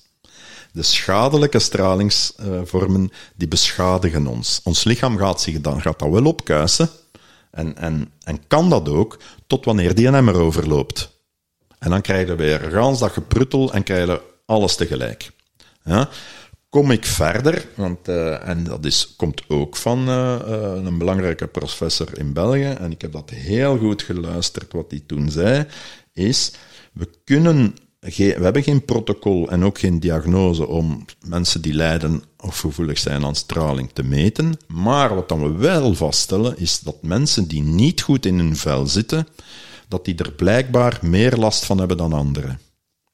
En dan kom je eigenlijk terecht in het een beetje het, esoterische en, en het spirituele, waarbij dat men spreekt, ja, we moeten ons zien onze frequentie te verhogen. En ja, ik, ik als ingenieur zeg, ja, wat wil dat nu eigenlijk zeggen, uw frequentie verhogen? Ja? En dus door het laatste jaar heb ik daarover nagedacht, heb ik dingen gevonden en gezegd, ja, maar wacht, misschien is het dat wel zo. We worden uitgedaagd om onze frequentie te verhogen. En wat wil dat zeggen? Nee, niet blijven zitten met boosheid, met schuldgevoelens, met kwaadheid, met frustratie, met, met angst, met dingen. Nee, we moeten blij mensen worden, we moeten constructief zijn, we moeten verbinden met elkaar, we moeten, we moeten gelukkig Dankbaar zijn. zijn Dankbaar zijn. Um, uh, en, en, dat kun je op meerdere dingen doen. Ga buiten, verbind met mensen, ga mediteren, ga, ga wandelen in een bos, doe nog wat dat je moet doen, maar zorg dat je, en dat is misschien onze frequentie verhogen. En dan zie je dat je inderdaad minder vatbaar bent voor dat soort dingen. Dat je minder vatbaar bent voor virussen, dat je minder vatbaar bent voor stralingsproblematiek, dat je minder vatbaar bent voor, voor burn-outs, dat je minder vatbaar uh, bent dus voor Dus alle regeltjes wat dan ze deden de meter en een half afstand, geen handen geven, je mocht niet meer knuffelen, mondkapjes. Dus dat was allemaal dingen zodat we niet met elkaar konden verbinden, en waardoor dat met lagere trilling. Volgens mij is dat zodat ik het ook wel zie. Ja. ja. Is... En ik ben iemand die, die, die, die dat altijd gedaan heeft en ik ben de laatste tien jaar eigenlijk nooit ziek. Mhm. Nooit ziek. Ja, komt het daardoor? Ik kan dat niet bewijzen, hè. Maar ik stel vast dat sinds dat ik mijn leven omgegooid heb en mij bewust ben van gezondere voeding en stressbeheersing en, en stralingsproblematiek enzovoort, dat ik dat automatisch een stuk in mijn leven implementeer en dat ik eigenlijk niet meer ziek word. Ja, en het schadelijke gevolg van afstand nemen van elkaar is naast de psychische effecten uh, ook nog dat je, je immuunsysteem ondermijnt. Want je stelt jezelf niet meer bloot met, uh, ja, met allerlei ziektekiemen die, waar je anders wel mee blootgesteld wordt, waardoor je lichaam, eh, die, zonder dat je het weet, dat continu opkuist. Maar als je lichaam dat niet meer doet, wordt je immuunsysteem lui. Ja. Gevolg, de griep hakt er harder in. Mensen worden veel rapper verkouden. Hebben ja. Ik, ik wil de mensen niet de kost geven die anders nooit last hebben van verkoudheid en nu plotseling wel. Ja, dat is waar. Ja. Dat is ongekend.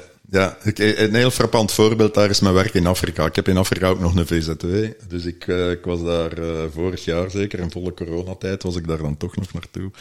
Um, en ik zit in Mombasa, want dat hoorde dan ook hè, in België. Ja, maar Afrika is helemaal anders, daar leven de mensen verder uiteen en zo. Ik zei, ja, ja, wacht, wacht. Al ooit in Afrika geweest? Nee. Ah, Oké, okay. ik kom in Mombasa. Ik pak daar een ferry in Mombasa. Um, daar zit uh, een paar duizend man op, met, uh, met mijn Afrikaanse vriend. En die zegt tegen mij, zegt hem, Moest corona hier zo probleem zijn in ons uh, land, ja, dan, dan moet hier toch iedereen in het ziekenhuis liggen, zegt hem. Ja, want dat is, die zitten daar op elkaar, dat is daar zweterig, dat is daar geur, ja. dat iedereen... Ik zeg, ja, dat is waar. Hoe komt het dat men dat in Afrika, in Zwart-Afrika, corona geen voet aan de grond krijgt? Huh? Dat, dat, dat is daar eigenlijk niet aanwezig. Hè. Ze hebben daar andere problemen. Hè. Ja, omdat die mensen denken hun immuunsysteem uh, veel, veel sterker is. Die zitten permanent in, in, in, in de grond en, uh, en, en, nemen, uh, nemen een immuunsysteem, versterken hun immuunsysteem.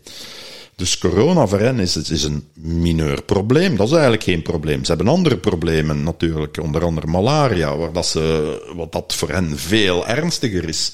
Ja, en dan zie je wat, wat een heel heftige aanslag is op je, op je lichaam. Ja. ja dat zijn echt wel die heel heftige dingen uh, waar dat je eigenlijk geen verweer, verweer toe hebt. Um, en dan zie je hier dat mensen continu blijkbaar ziek worden. Hoe komt dat? Ik zou in de ziekenhuis eens willen rondgaan en al die mensen die daar liggen, zogezegd met corona, eens een vraag stellen. Bent u angstig?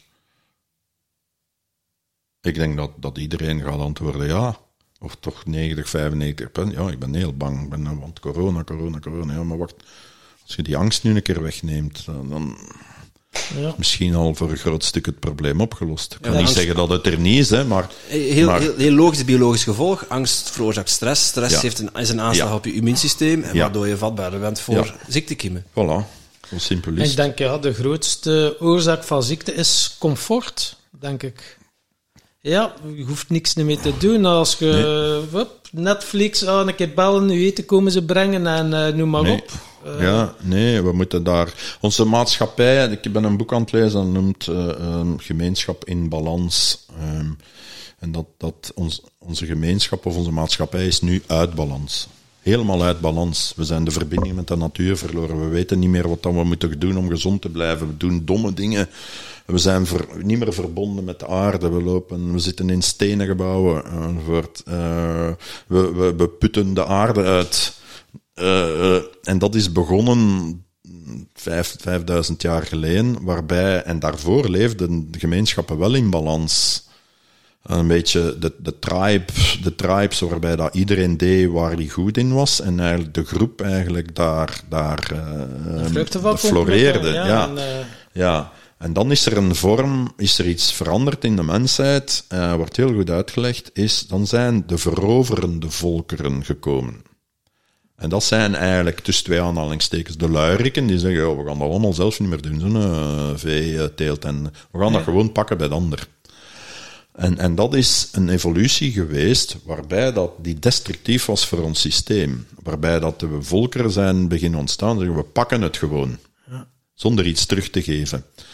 En de westerse landen, uh, de westerse cultuur is daar bij uitstek een voorbeeld van, jammer genoeg. Uh, kruisvaarden, uh, de kolonisaties, de verovering van Amerika. We hebben gewoon die volkeren weggevaagd. En we hebben alles gepakt.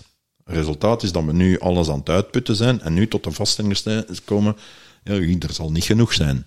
Dus we blijven maar veroveren. En we gaan maar verder en nog meer veroveren en nog meer conflicten. Dus we moeten dat op een of andere manier stoppen en terug die gemeenschap in balans brengen, waarbij dat we dingen kunnen nemen van moeder aarde en iets teruggeven. Teruggeven. ja. En van toon dat je geeft, krijgt geen overvloed terug. Simpel is het. Een appelboom die produceert duizend appels en je hebt maar één appel nodig om de nieuwe appelboom te maken. En die 999 andere appels moet je opeten. Dat is eigenlijk het principe.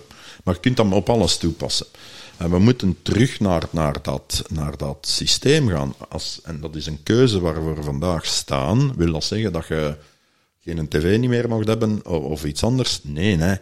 Je moogt nog altijd dingen gebruiken, maar we gaan moeten op een andere manier in gemeenschap Ja, leven. dus consumptiemaatschappij, de wegwerpmaatschappij uiteindelijk. eh, Ah, absurd. Ook, ook werken, hè. Eh, Ik ben nu met een project bezig waarbij dat de idee is, kijk, kom daarbij en breng in wat dat jij kunt inbrengen en wat dat je graag doet. Breng je talent binnen. ja. Als je met, ik beweer, als je met 50 of 100 mensen bent, dat je alles hebt wat dat je nodig hebt. Daar zal iemand zijn die graag kookt, er zal iemand zijn die graag in de tuin werkt, er zal iemand zijn die iets van techniek af weet, er kan iemand zijn die iets van elektriciteit af weet, er kan iemand zijn die om het even wat. Ja, en laat iedereen doen wat dat graag doet. En dan creëert je een gemeenschap die wel in balans is. Heb je dan nog iets nodig dat daar buiten ligt, kun je dat uit een andere gemeenschap gaan halen. Dus het principe, denk ik, is er wel.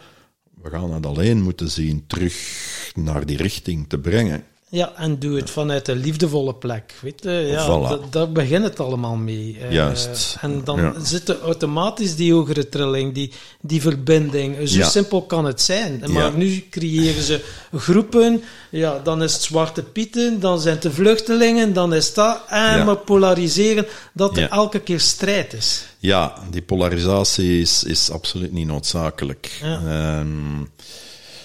Als iedereen gebruikt wat hij nodig heeft, dan is er overvloed voor iedereen. Maar natuurlijk spelen er grotere machten. Ja.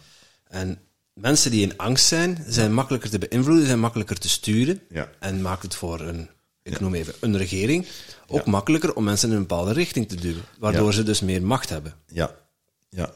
Hoe, hoe kijk jij daarnaar? ja dat is een beetje hetgeen dat eh, Matthias de Smet in zijn boek schrijft over eh, totalitarisme. Hè? Ja, we hebben Matthias ook gehad in de podcast. eh. Ah ja, ja, hij legt dat daar ook, Ja. ook wel uit. Hè. Dus wij hebben zo'n idee van eh, ja, totalitaire staten, dat zijn de Hitlers en de Stalins van deze wereld, die met force, eh, dat is voorbij. Ja. Dat is eigenlijk voor een groot stuk voorbij, dus nu gaat het geleidelijk. Eh, ja.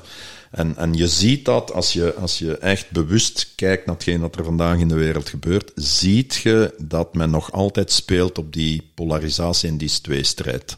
Zolang als die er is, kan het volk zich niet verenigen tegen machtshebbers. Ja?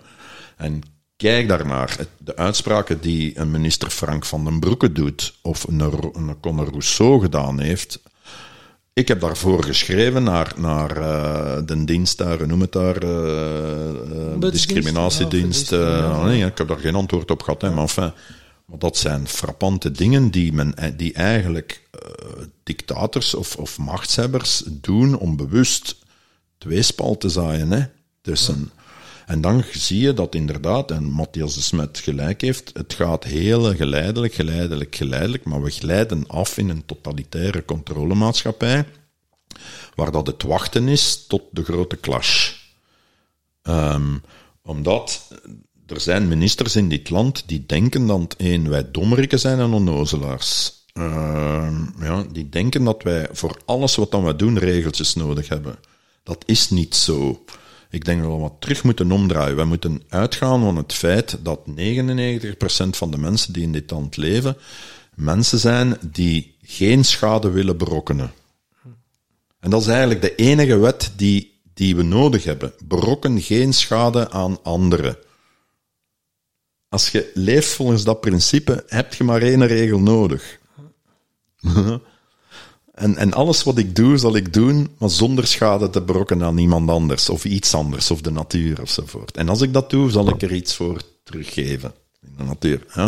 Maar hier gaat men zo ver dat men. Allee, Vlaanderen is aberrant, hè. Je rijdt 51 kilometer per uur in dat dorp en je krijgt een boete van 60 euro. Allee, wat, wat, wat is dat nu voor onnozelheid? Je laat geen enkele ruimte niet meer toe aan de persoon die zegt, ja maar wacht eens, het is hier drie uur s'nachts en ik rij nu 51 per uur, er is geen kat op de baan en dat is een perfecte weg om, om 60 te rijden. Huh? Nee, de overheid zal zeggen, je hebt 51 gereden, boete uh, 60 euro. Ja, maar je moet ergens een, dus... een, grens trekken. Hè. Ik, ik woon hier in een, rustige woonwijk bijvoorbeeld. En uh, hier zijn geen snelheidscontroles. Uh, in deze straat alleszins niet. Je mag hier 30. Uh, maar soms komen ze hier met 50, 60 om de hoek gevlogen, terwijl er daar een pleintje kinderen spelen. En dat, daar stel ik me dan wel vragen Dan is het gezond verstand. Is ja, maar heel veel mensen hebben geen gezond verstand. Hè? Ja. De mensen die in die auto zitten en die dat dus doen. En het, zijn niet, het is niet één iemand. Hè? Het, uh, want een tijdje, nu is, het, nu is het terug afgesloten hierachter, doodlopende straat, maar het was een tijdje open. Het was de ene naar de andere auto. Dus als je hier zat, van 7 uur s morgens tot 10 uur, even, tot 10 uur s morgens, dan, uh, ik, ik, kon, ik kon ze niet eens turven op een blad, denk ik. Ja. En het was er niet één. Maar dus, de, de, dus kan niet meer over gezond mij, verstand. De vraag die dan bij mij komt, hoe komt dat dat mensen op die manier wil beginnen rijden? Eén, hmm. ik, ik, ik weiger te geloven dat dat 90% van de mensen is. Dat is, dat is niet zo, dat is een kleine minderheid, oké. Okay, en die moet je dan inderdaad zien te bereiken. Maar ik spreek niet over, over dit soort wijken, want ja. jij woont hier inderdaad, maar ik spreek dus wel over grote wegen, hè, uh, ja, waarbij en, dat je zegt, ja, maar wat staat die camera's inderdaad. hier nu te doen? Dat is pakken om te pakken. Ja. Ja, dus daar valt over te zeggen. Ik denk dat we moeten uh, teruggaan naar, naar de mensen eh, bewust laten worden dat, oké, okay, dit is niet hetgeen dat ik doe, en dit is niet hetgeen dat ik doe, zonder dat dat absoluut afgedwongen moet worden door van alles en nog wat. Um, want je krijgt daarmee een tegengesteld effect. Hoe meer regeltjes, hoe meer dat mensen zich daar slecht mee gaan voelen en hoe meer dat er regels zullen nodig zijn om de mensen toch uh, ja. in de vakjes te laten lopen. En dat kan niet de bedoeling zijn. Kom terug op mijn eerste regel. Zorg dat je geen schade berokkent aan derden. Als ik hier aan 50 door uw wijk rij, dan riskeer ik schade te berokkenen aan derden. Dus ik zeg, ik ga dat niet doen, want daar lopen kinderen. Ja. Dat is hetgeen het principe. En, en dat moeten we terug bij de mensen uh, binnenkrijgen, denk ik. En, en dat gaat niet toe, gaan door, door het blijven regeltjes en regeltjes uit te vissen. Nee, maar het, het zijn wel die excessen die ervoor zorgen dat we de regeltjes, of dat er, uh, dat er vanuit de maatschappij vragen gesteld worden. En dat de politiek dat wil, wil, wil, oplossen met regeltjes en die dus dan ook van bovenaf oplegt. Nee, die gelden dan voor iedereen. Ja, ik weet niet of dat het absoluut de maatschappij is die dat allemaal vraagt. Uh, dat is de vraag. Ja. ja. dat is een terechte vraag waar een terecht debat is zou moeten over horen. En dan is het nog altijd afwegen, oké, okay, hier wel, daar niet. Ja, het voorbeeld van de camera's is een schoon voorbeeld. Hè. Nu staan er overal camera's. Dus men weet perfect, als ik hier straks naar huis rijd, waar dat ik de komende minuten en uren ben geweest. Um, Oké, ik wil dat nog, uh, nog uh, toelaten, maar ik wil niet dat dat tegen mij gebruikt wordt. Ja, Want die informatie staat ergens. Wilt de bevolking dat? En er is gewoon geen ruimte meer voor een open nee. maatschappelijk debat. Nee. Nee. Ze gaan eenzijdig alles beslissen. En ja. dan zeggen ze, ja, het is voor uw vrijheid, het is voor dat, voor nou, uw gezondheid. Ja, maar dat is het allemaal... De inbreuken uh, op de privacy gaan zeer ver. En de overheid die permitteert zich heel veel... Uh, het gaat heel ver en mensen staan er niet meer bij stil. Maar uh, ik ben nooit, op, nooit opgebeld door een, uh, een, een callcenter. Mm, ik heb al van alles gedaan, maar ik ben nooit niet over de schreef of het een of het ander geweest met te zeggen dan positief getest en dat ze moeten mm. bellen. Maar wacht eens, ik heb mij daar bewust over nagedacht. Wat ga ik doen als een callcenter me belt? Meneer, u moet in quarantaine. Eerste vraag die ze van mij krijgen, wie bent u? Hè? Ja, ik ben eh, mevrouw die van het callcenter. Ja, van waar heeft u mijn gegevens? Ah ja, van de overheid. Ja, maar wacht eens, ik heb nooit toegestaan aan de overheid dat een callcenter mijn telefoonnummer mag gebruiken om uit te bellen. GPDR-wetgeving, hè, beste vrienden.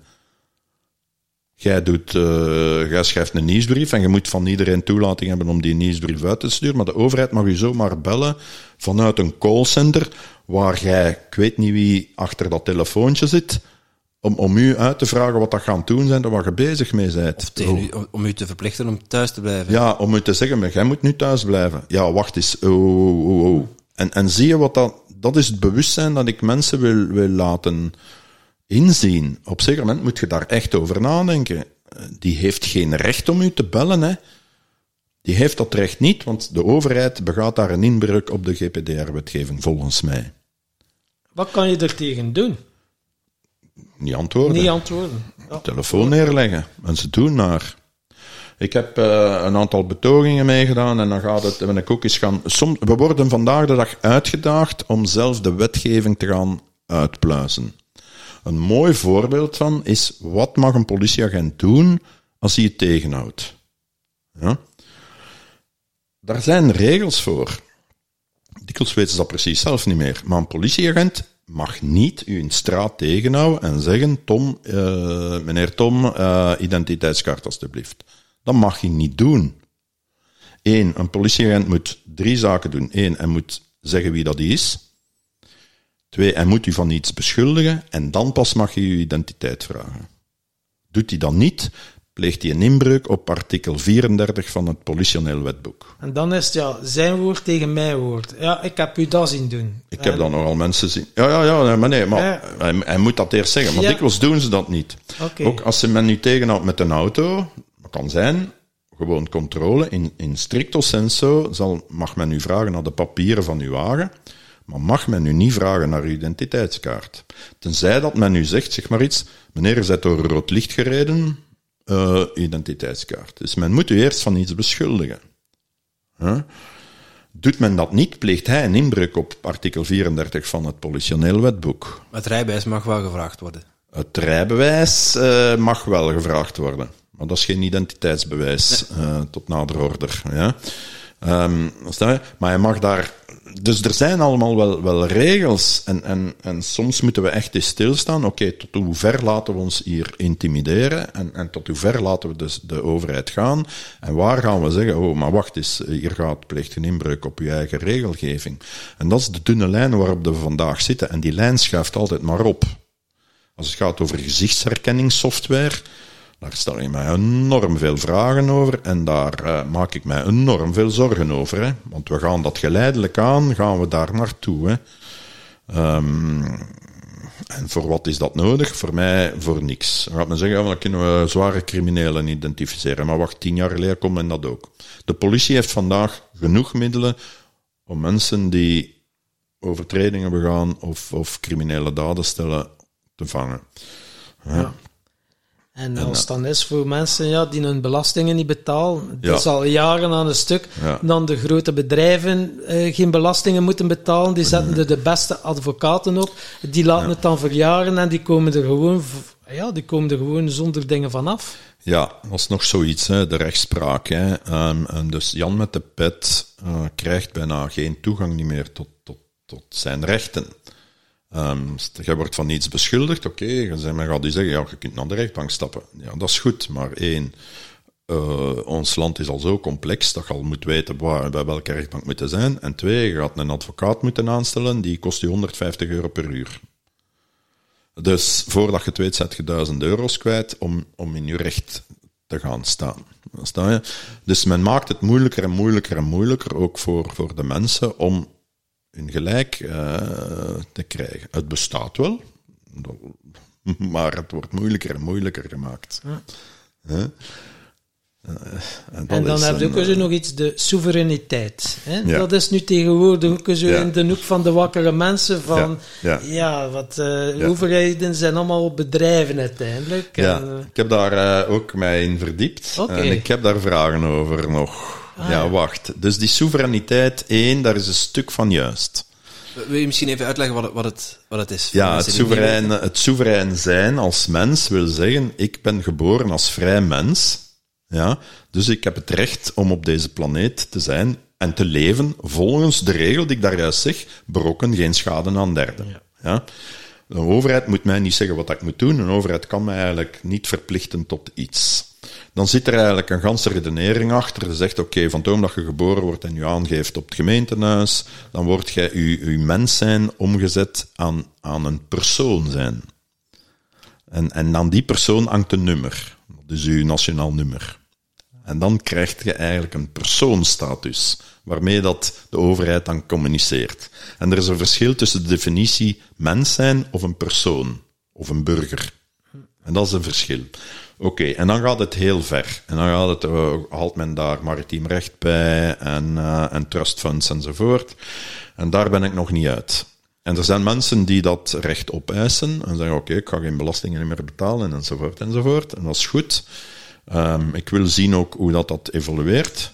Maar ik denk dat we daar ook een slapende leeuw aan het wakker maken zijn. En, en ik heb daar met een jurist lang over gesproken ook, want dat ben ik dan ook, zoek dat dan uit. En zegt, oké, hier ga ik me even niet in verdiepen, ik ben met andere dingen bezig. Maar hij zegt, oké, we moeten oppassen, want men haalt daar wetgeving bij die stamt uit de middeleeuwen en uit de Napoleontische tijd. Maar intussen is dat allemaal veranderd. Zolang als dat de mensen die dat recht opeisen, soevereiniteit, met 100 zijn en 200, uh, zegt de staat, of die slapende leeuw, zegt, laat die maar doen. Als er dat duizend worden en vijfduizend, gaat die leeuw beginnen wakker worden. Ja? En gaat je, gaat die beginnen rechtstaan. En gaat hij zeggen, wat is hier nu eigenlijk aan de hand?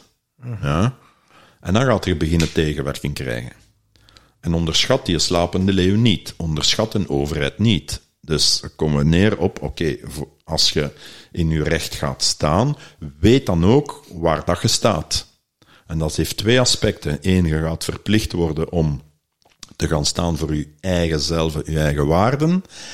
En je gaat moeten gaan uitvlooien wat de wetgevingen daaromtrent zijn en hoe dat het nu juist in elkaar zit enzovoort. Je kunt niet zomaar een copy-paste doen. Dan kom ik neer op hetgeen dat ik in het begin zet. De tijd is voorbij dat jij in een zaal gaat zitten en naar iemand luistert en die persoon daarvan voor zegt, ik heb de waarheid, zo. Nee, nee, nee, nee, nee. Ik doe dat ook niet in mijn presentaties. Ik kom zeggen, kijk, ik beschik over informatie, ik ga het u geven, maar het is aan jullie om daar iets mee te doen en om aan jullie te beslissen wat is, u, wat is hier waar van en wat niet. En ga zelf op zoek naar. Plus twee, ik, ik heb vandaag wel die kennis die ik nu heb, ook in de stralingsproblematiek, maar ik behoud mij ten allen tijde het recht voor om mijn mening te kunnen herzien. En ik denk dat dat een heel mooie stelling is, die een overheid ook best zou hanteren. Want daar gaan ze nu met een kop tegen muur lopen, in gans het probleem dat we daar nu hebben. Ze houden vast aan hun stelling, die intussen al zoveel keren had moeten herzien worden. En er was niks zo mooi geweest als een politicus die op tv komt zeggen, kijk mensen, vorig jaar hadden we die gegevens, ja, en hebben die beslissingen genomen, vandaag hebben we die, we gaan onze mening moeten herzien en we gaan nu die weg in. Dat is het eerlijkste en mensen gaan dat aanvaarden. En ik denk dat dat de uitdaging is, een van de uitdagingen waarvoor we staan. Eén, zelf ten alle tijde het recht voorhouden om je mening te herzien en niet, niet gaan komen spreken tegen gelijk wie, want ik heb de waarheid en dat is de waarheid. En dan haal je ook die polarisatie weg. Ja? Die, die mens heeft gelijk, hè? Ja.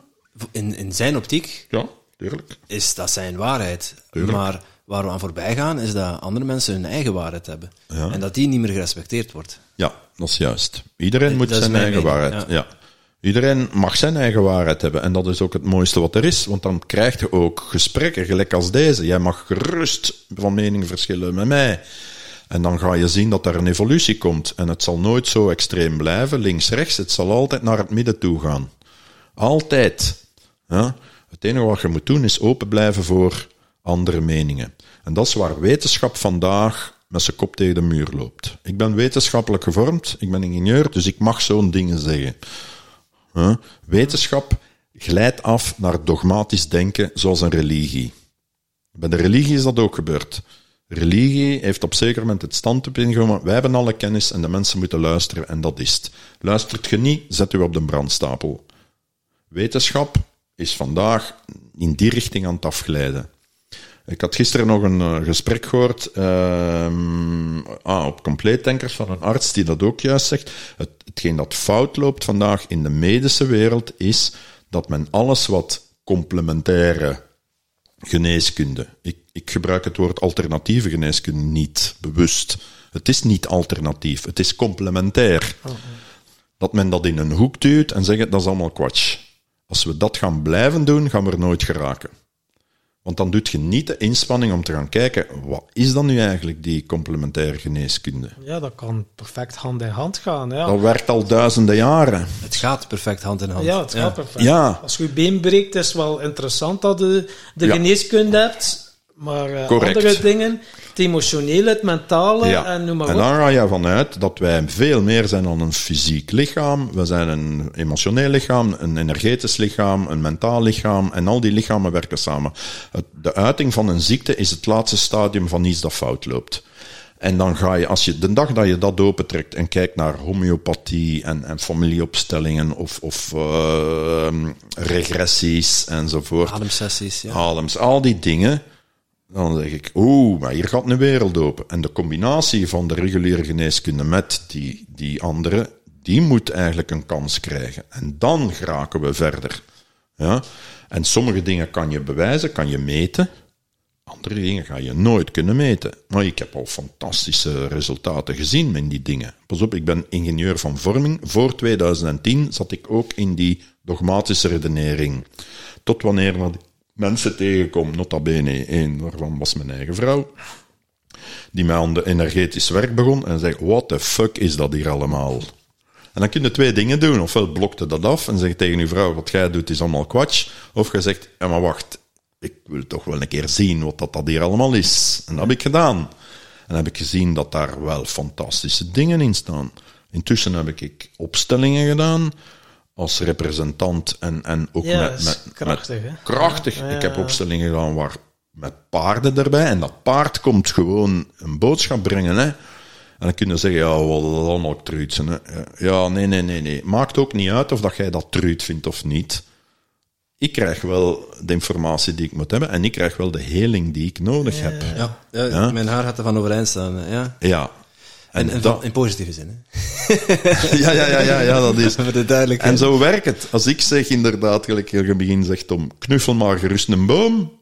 Ja, ga maar een boom knuffelen. Hè. Die staat met zijn twee wortels 10 meter in de grond. Dus die is zo geaard als dat maar kan zijn. En die pakt u mee. Uh, gaat je daarvan genezen? Dat weet ik niet. Gaat u goed voelen? Garantie. Gaan de mensen achter u zeggen, oh, de Tom die is helemaal zot geworden? Misschien, maar laat die maar zeggen, binnen, garandeer je dat binnen de vijf jaar dat die ook een boom knuffelen. Want die Ja. gaan dat ook proberen. En op moment gaan ze dat ook wel voelen. Je weet niet wat je niet weet. Ja, dat- daar begint het mee, denk ik. En daarnaast is het ook zo dat je het niet per se hoeft te begrijpen om iets te ervaren. En wij hadden Dirk Oeliebrand in onze podcast en die sloot de podcast ermee af. En voor mij is daar, eh, dat is een kenterpunt geweest voor mij. Ehm, ik probeer ook alles met mijn ana- analytisch brein te begrijpen. Maar er zijn dingen die je, niet, die je met jouw beperkte brein niet kunt begrijpen. Nee. Die ik met mijn beperkte brein niet kan begrijpen. Ja. En Dirk die zei van, Timothy, dat is, dat is oké als je het niet begrijpt. Ervaar het gewoon. Ja. En in die ervaring, daar zit, daar zit heel veel goud. En haal voor jezelf, ja, gun jezelf die ervaring en haal de, de goudklompjes eruit. Zonder daar een oordeel op te willen plakken. ja, niet oordelen, dat is de kunst. En wij veroordelen direct. eh, dat is heel moeilijk, We dat geleerd. oordelen. We zijn zo opgevoed. Ja, we zijn zo opgevoed. En ik probeer de dag dat je in het leven kan staan en, en van jezelf bewust zijn zeggen, ik ga zo min mogelijk oordelen, dan één, ga je zelf beter van worden, en twee, gaat je rust brengen. Maar het is ook zo, wij gebruiken 5% van ons breincapaciteit. 5%, hè, niet meer, hè. Er zijn mensen die zeggen, we gebruiken de volle 100%. Ja, no way. No, no, no. Moesten we de volle, per- vol- volle 100% gebruiken, dan worden we zot. We zijn daar niet klaar voor. We zijn wel bezig op dat pad. En je gebruikt ze bewust of onbewust. Dat ging, dat- die persoon die dat zei, Ah ja, ja, onbewust. zei, je gebruikt Ja. altijd 100%, alleen je gebruikt maar een deel Nee, nee, ja, het- 95% zijn programma's die in je onderbewustzijn draaien en 5% is dan je bewuste brein. Maar van die 100% gebruiken wij nog maar 5 à 10%. Dus de- daar zit nog 90% potentieel dat niet gebruikt wordt. Ja. Wat men ook niet weet wat het zit te doen. Er is een hele goede film over die nu op, op, op Netflix loopt, die noemt Lucy. Ah, ja, ja, ja. Ja, en ik heb daarnaar gekeken vanuit een heel ander, anders uh, standpunt. En daar, de boodschap die daarin zit is, we zijn als mens, gebruiken wij nu 10%. We zijn aan het groeien, we gaan naar 11%, 12%, 15%. Als wij vandaag op morgen wakker worden en we kunnen 20% van ons brein gebruiken, worden wij zot. Want dan gaan wij dingen, tot dingen in staat zijn, dan ga ik, zeg maar iets, eh, uw brein kunnen lezen. En hoeven wij niet meer te spreken, wij kunnen zo communiceren. Wij gaan dingen weten, gewoon omdat, het gewoon, omdat we het gewoon weten, maar die we mentaal nog niet aankunnen. We gaan dingen weten uit vorige levens. We gaan dingen weten wat er gaat gebeuren. We gaan dingen weten wat mensen met mensen gaat gebeuren. En als dat groeit, en ze- in, in die film gaat ze dan naar 100% en dan sterft ze eigenlijk. Ja.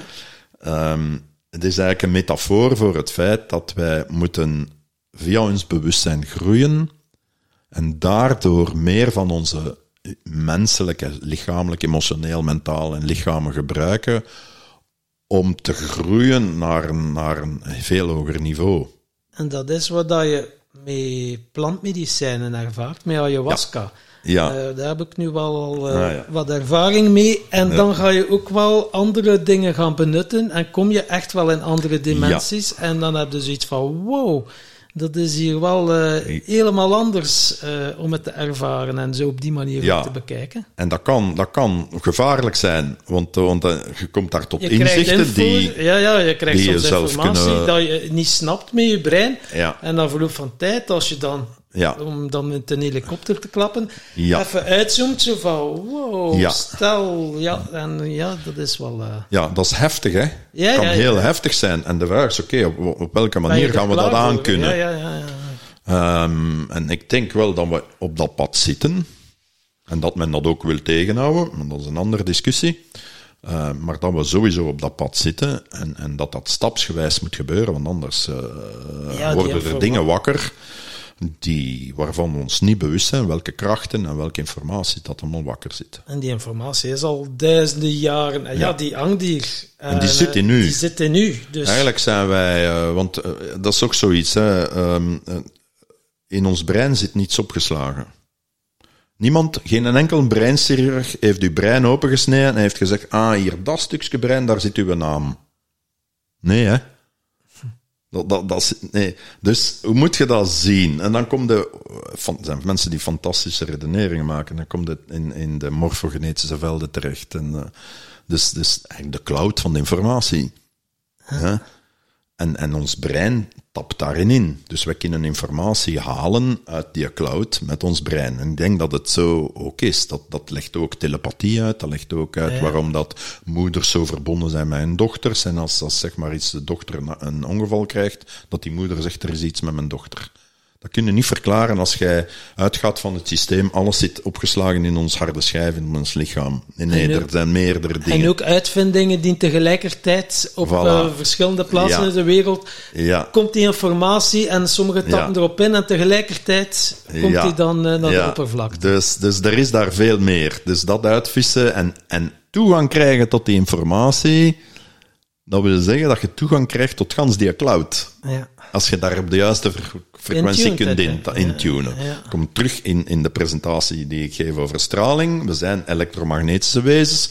Wij zenden straling uit. Wij pakken straling binnen. Ja? Die straling kan goed zijn of kan slecht zijn. De kunst is in de goede straling te blijven zitten. Ja. En daar zou wetenschap naartoe moeten gaan. Uh, dat kan ook. Dat is ook al geschreven, ook door een ingenieur. Die schrijft, oké, kijk, we zijn nu 5G-frequenties aan het implementeren, waarvan dat we niet weten wat schade dat het gaat berokkenen. Maar, als we dat signaal nu eens zetten op een, op een andere frequentie, waarvan we weten dat ze gunstig is voor het organisme, dan compenseren we het schadelijk stuk met een gezond stuk. En dan is het neutraal. Ja. En dat is de uitdaging. In plaats van zomaar alles in vakjes te steken, pomp het er maar door, het zal wel oké zijn. Dus het kan ook onze redding worden. kan nog een redding worden, zeker en vast. En dat is een uitdaging. Dat zijn wetenschappelijke ontwikkelingen waar ik ook in geloof. En denk ik dat, maar dat is de uitdaging. Als het commercieel blijft en de push veel te rap gaat, ja, dan, dan, dan, dan gooit men dat overboord. Als, als de reguliere geneeskunde daar niet mee wil ingaan en, en dat gewoon allemaal opzij zet, eh, onder andere belangen, ja, dan, dan gaan we de foute richting uit. En dan zal het blijken binnen vijf jaar of tien jaar, oei, hier hebben we daar toch wel iets fout gedaan. Dan moet men helemaal terug. Dus, dus dat is te vermijden. Want potentieel dat in ons zit is fenomenaal groot. Men noemt dat ook eh, het celgeheugen. Hè? En als je dat wakker maakt, Eigenlijk door ayahuasca te gaan doen, en dan, dan maakt je dat celgeheugen wakker. Maar in je celgeheugen zit alles opgeslagen, ook van je vorige, Vorige levens. levens, ja. ja, ja. Dat is ook zo een, eh, oké, je gelooft daarin of gelooft daar niet in. Iedereen moet daar het zijn Ja, jij als eh, maken. dus eh, wanneer zei jij het begint in geloof? Maar het heeft altijd wel in mij gezeten. Ehm, van, hetgeen dat men ons... Eigenlijk vanaf ik twintig was, en ik had ik zo al verschillende dingen van hetgeen dat men ons hier had. Dat klopt toch niet helemaal. Hè. Op twee vlakken. Eén, religie. En twee, ik was op twintig jaar al boeken aan het lezen over de oudheid en piramides en zo. Oké. Ja, dat is ook zoiets. Hè. De piramide, het verhaal dat men ons eh, brengt over de piramides van Cheops en, en het Gizeh-plateau, dat klopt voor geen meter, hè, by the way. Men krijgt dat niet uitgelegd. Dus daar zit veel meer achter.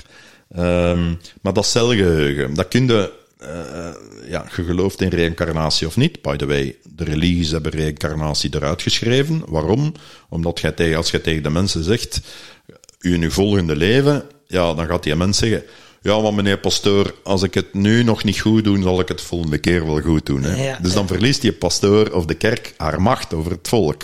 Dus men schrijft, schrapt reïncarnatie eruit. By the way, alle oude volkeren, die kenden reïncarnatie. In hun spiritueel leven. Ja?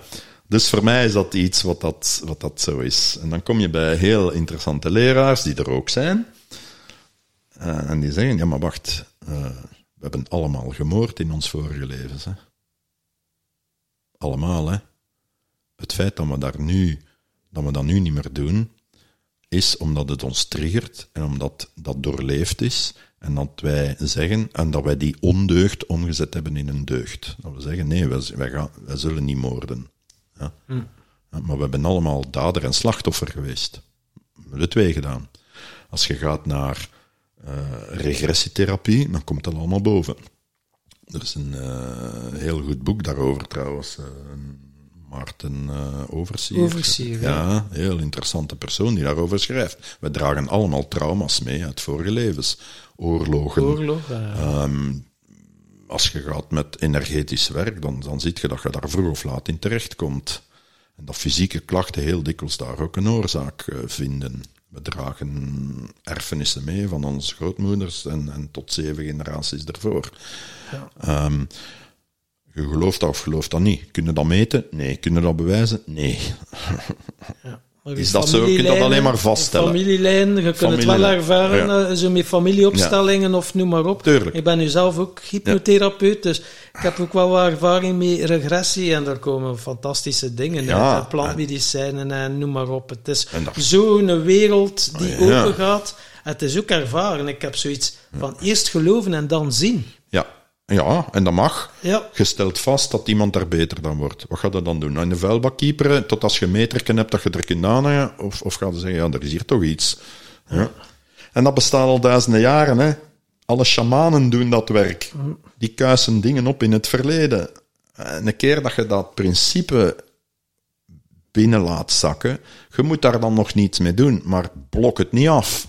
En dat is waar ik eigenlijk zo lastig word Ja. Ja. op wetenschap, hè, en zeker de, de overheid zal wel zeggen wat dat, wat dat juist is voor u of niet. Zeg, nee, hè, daar zal ik nooit niet mee ingaan. Hè.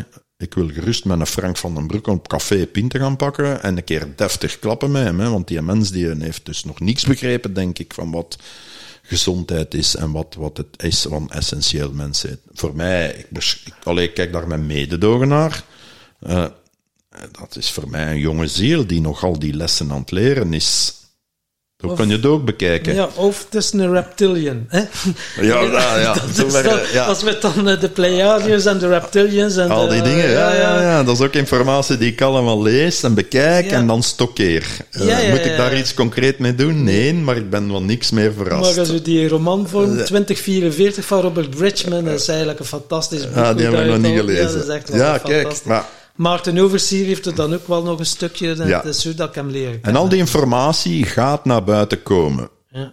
En, en eigenlijk, wij zijn mensen, en uw luisteraars waarschijnlijk ook, mensen die daarvoor openstaan, die nog niet goed weten, wat moeten we daar nu allemaal mee? Maar dat is al verschrikkelijk veel informatie, hè, zeg. Waar dat je Jan met de pet eh, hier op cafés en een Stella komt drinken, als je daarover begint, dan zeg je, hey jongens, wat, wat zeg je dan helemaal zot of wat ja, hier? ja, wat. Ehm, Wel plezant blijven, hè. Ja, ja. Begin eens over de voetbal, jongen. Mensen kunnen ook maar informatie slikken wanneer dat ze klaar zijn om te slikken. De leraar komt pas bij jou als de leerling er klaar voor Ja, is. voor mij was dat ook allemaal Anunnaki en dat en zo. En dan las ik zo adrenochroom. Dat is dan, ze voeden zich met eh, satanistische rituelen, Ja. kindjes, angst en zo. Want dat is een voeding van de reptilians. En dan denk ik, oh my god, hoe wat gaat dat allemaal? Maar ik zeg, oké, ik lees het met open mind. En zolang dat tegendeel niet is bewezen. Nee. En ja, nee, parkeer het in je hoofd. ja klopt. En dan ga je zien dat er meer informatie openkomt. Ehm, ehm, en dat er dingen gebeuren die ook in dat kader misschien wel zouden kunnen kloppen. En dan komt je in Pizzagate terecht. Uh, Dutroux-verhaal. Ik weet niet of jullie nog de tijden gekend hebben van, eh, Dutroux, de, en van Regina Louf. Ja. En van de seksschandalen in, eh, op politiek niveau enzovoort. De roze balletten en dat soort dingen. Ik herinner me het verhaal van Regina Louf goed. Want ik had toen de reflex, dat kan toch gewoon niet waar zijn. We zijn jaren later, 15 of 20 jaar later, ik kom nu mensen tegen en ik ken ene persoon die zegt, ik heb gans dat dossier uitgepluist. Het verhaal van Re- Regina Louf is helemaal waar. Ja. Ik, hoe? En, en dan zie ik in mijn eigen proces. Op, toen blokte ik dat af. Dat kan gewoon niet waar zijn. Dat is zo eh, erg. schetsen wat dat Regina Louf eh, Ja, dat is een meisje dat, een, die was toen zeer jong, die, die ontvoerd is geweest, die zeer zwaar misbruikt is geweest en dan op zeker moment vrijkomt en haar verhaal doet. En haar die links legt naar onder andere de roosballetten en misbruik door hoogplaatse personen in kelders en kastelen en al die zaken enzovoort. Mijn vraag vandaag is, wacht eens, dat is ineens valt dat stil, maar is dat weg? Ah, en dan ga je verder. En dan kom je terecht bij een eh Lassange met Wikileaks en een eh, Snowden eh, die dingen naar buiten brengt en zeggen waarom worden die mensen zo zwaar opgejaagd? Wikileaks heb ik zelf een keer gaan inpluizen. Dat is soms zeer interessant. En ik wacht op de onderzoeksjournalistiek die dan een keer helemaal uitpluist. Het probleem is dat dat duizenden en duizenden en duizenden files zijn. Maar daar vind je onder andere ook de PV's in van de Rijkswacht van de Bende van Nijvel. Hè. Je kunt daarop filteren, hè. maar niemand leest dat. Dus alles staat in plain sight. Maar de hoop is zo groot dat niemand nog, nog, nog door het bos de bomen. Dus dan kun je niet anders dan al die zaken. Ja, bekijk die maar als jij die kunt bekijken en parkeert die. En stapje per stapje per stapje gaat je wel zien voor jezelf wat je eigen waarheid is. En is het waar, is het niet waar? Dat zal wel blijken. Is het niet binnen een jaar, dan is het binnen vijf jaar of binnen 150 jaar. Het universum heeft tijd. Wij zijn ongeduldig. Tijd is een illusie. Hè? En tijd is dan nog een illusie ook. Dus, maar het universum heeft tijd. Hè. We zijn nu eh, van vissen naar Aquarius, Aquarius. gegaan. Dat duurt 2150 jaar. Dus Het zal onze tijd wel dat gaan, heeft tijd. We zullen een paar keren moeten terugkomen om, om te zien hoe dat, dat hier evolueert. Maar dat is ook zo. We zijn ongeduldig. Ja. Het universum heeft tijd. Voilà. Dus, Ja, ja, ja. dat is. Waar, waar ik je verhaal ergens hoor, en dat is, dat is wat dat nu al drie keer binnenkomt bij mij, is van, eh, wat kun je doen bij, wat kun je zelf doen, is vragen stellen.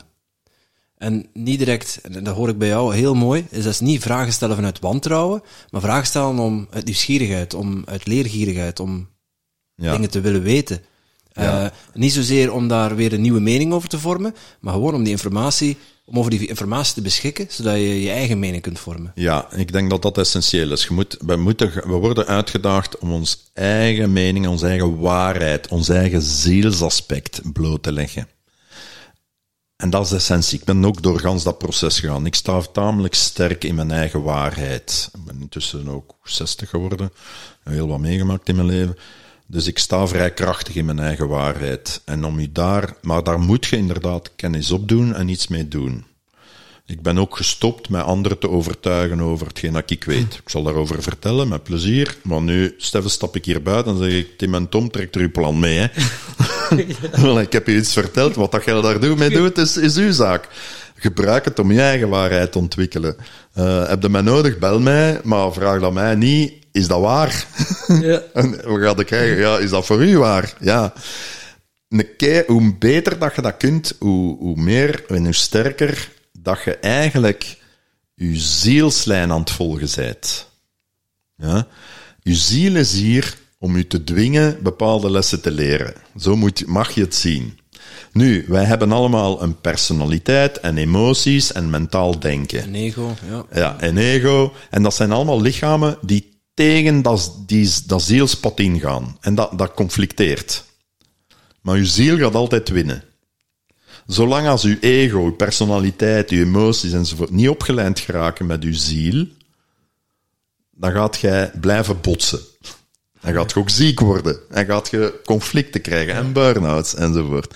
Maar je ziel gaat hier proberen de lessen te leren. Leert je die in dit leven niet, dan zegt je ziel, oké, volgende keer komen we nog eens terug. Ja. Eigenlijk, dat is een essentie. Ja? Maar dat is interessant, omdat je wordt ge- gedwongen om naar binnen te gaan en te gaan zoeken, oké, maar waar, voor welke waarde sta ik eigenlijk?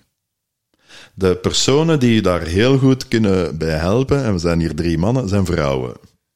Ik ben enorm uitgedaagd geweest door vrouwen, wijze vrouwen, die me zeggen, Peter, wat dat jij doet is fenomenaal, maar je moet nog dieper naar binnen in jezelf. Dan ik zeg, ja, jongens, hey, ben ik al diep naar binnen? Eh, eh, eh, eh, nog niet diep genoeg. Nog dieper gaan. En dan komt de, de donkere ruimtes van je ziel en van jezelf tegen. Ja? En die moet je in de ogen kijken eerst. En dan, dan gaat je misschien een week in een tent moeten gaan zitten of op, in een grot of om het even wat. Dat is eigenlijk hetgeen dat shamanen ook doen met kweestes. Hè. En kweeste is, dient eigenlijk daarvoor. Niks doen en naar jezelf gaan. Nog dieper, nog dieper, nog dieper. En dan komt je je eigen waarde tegen. Een keer dat je die vindt, komt je naar buiten en dan gaat je zien dat alles wat dat je doet,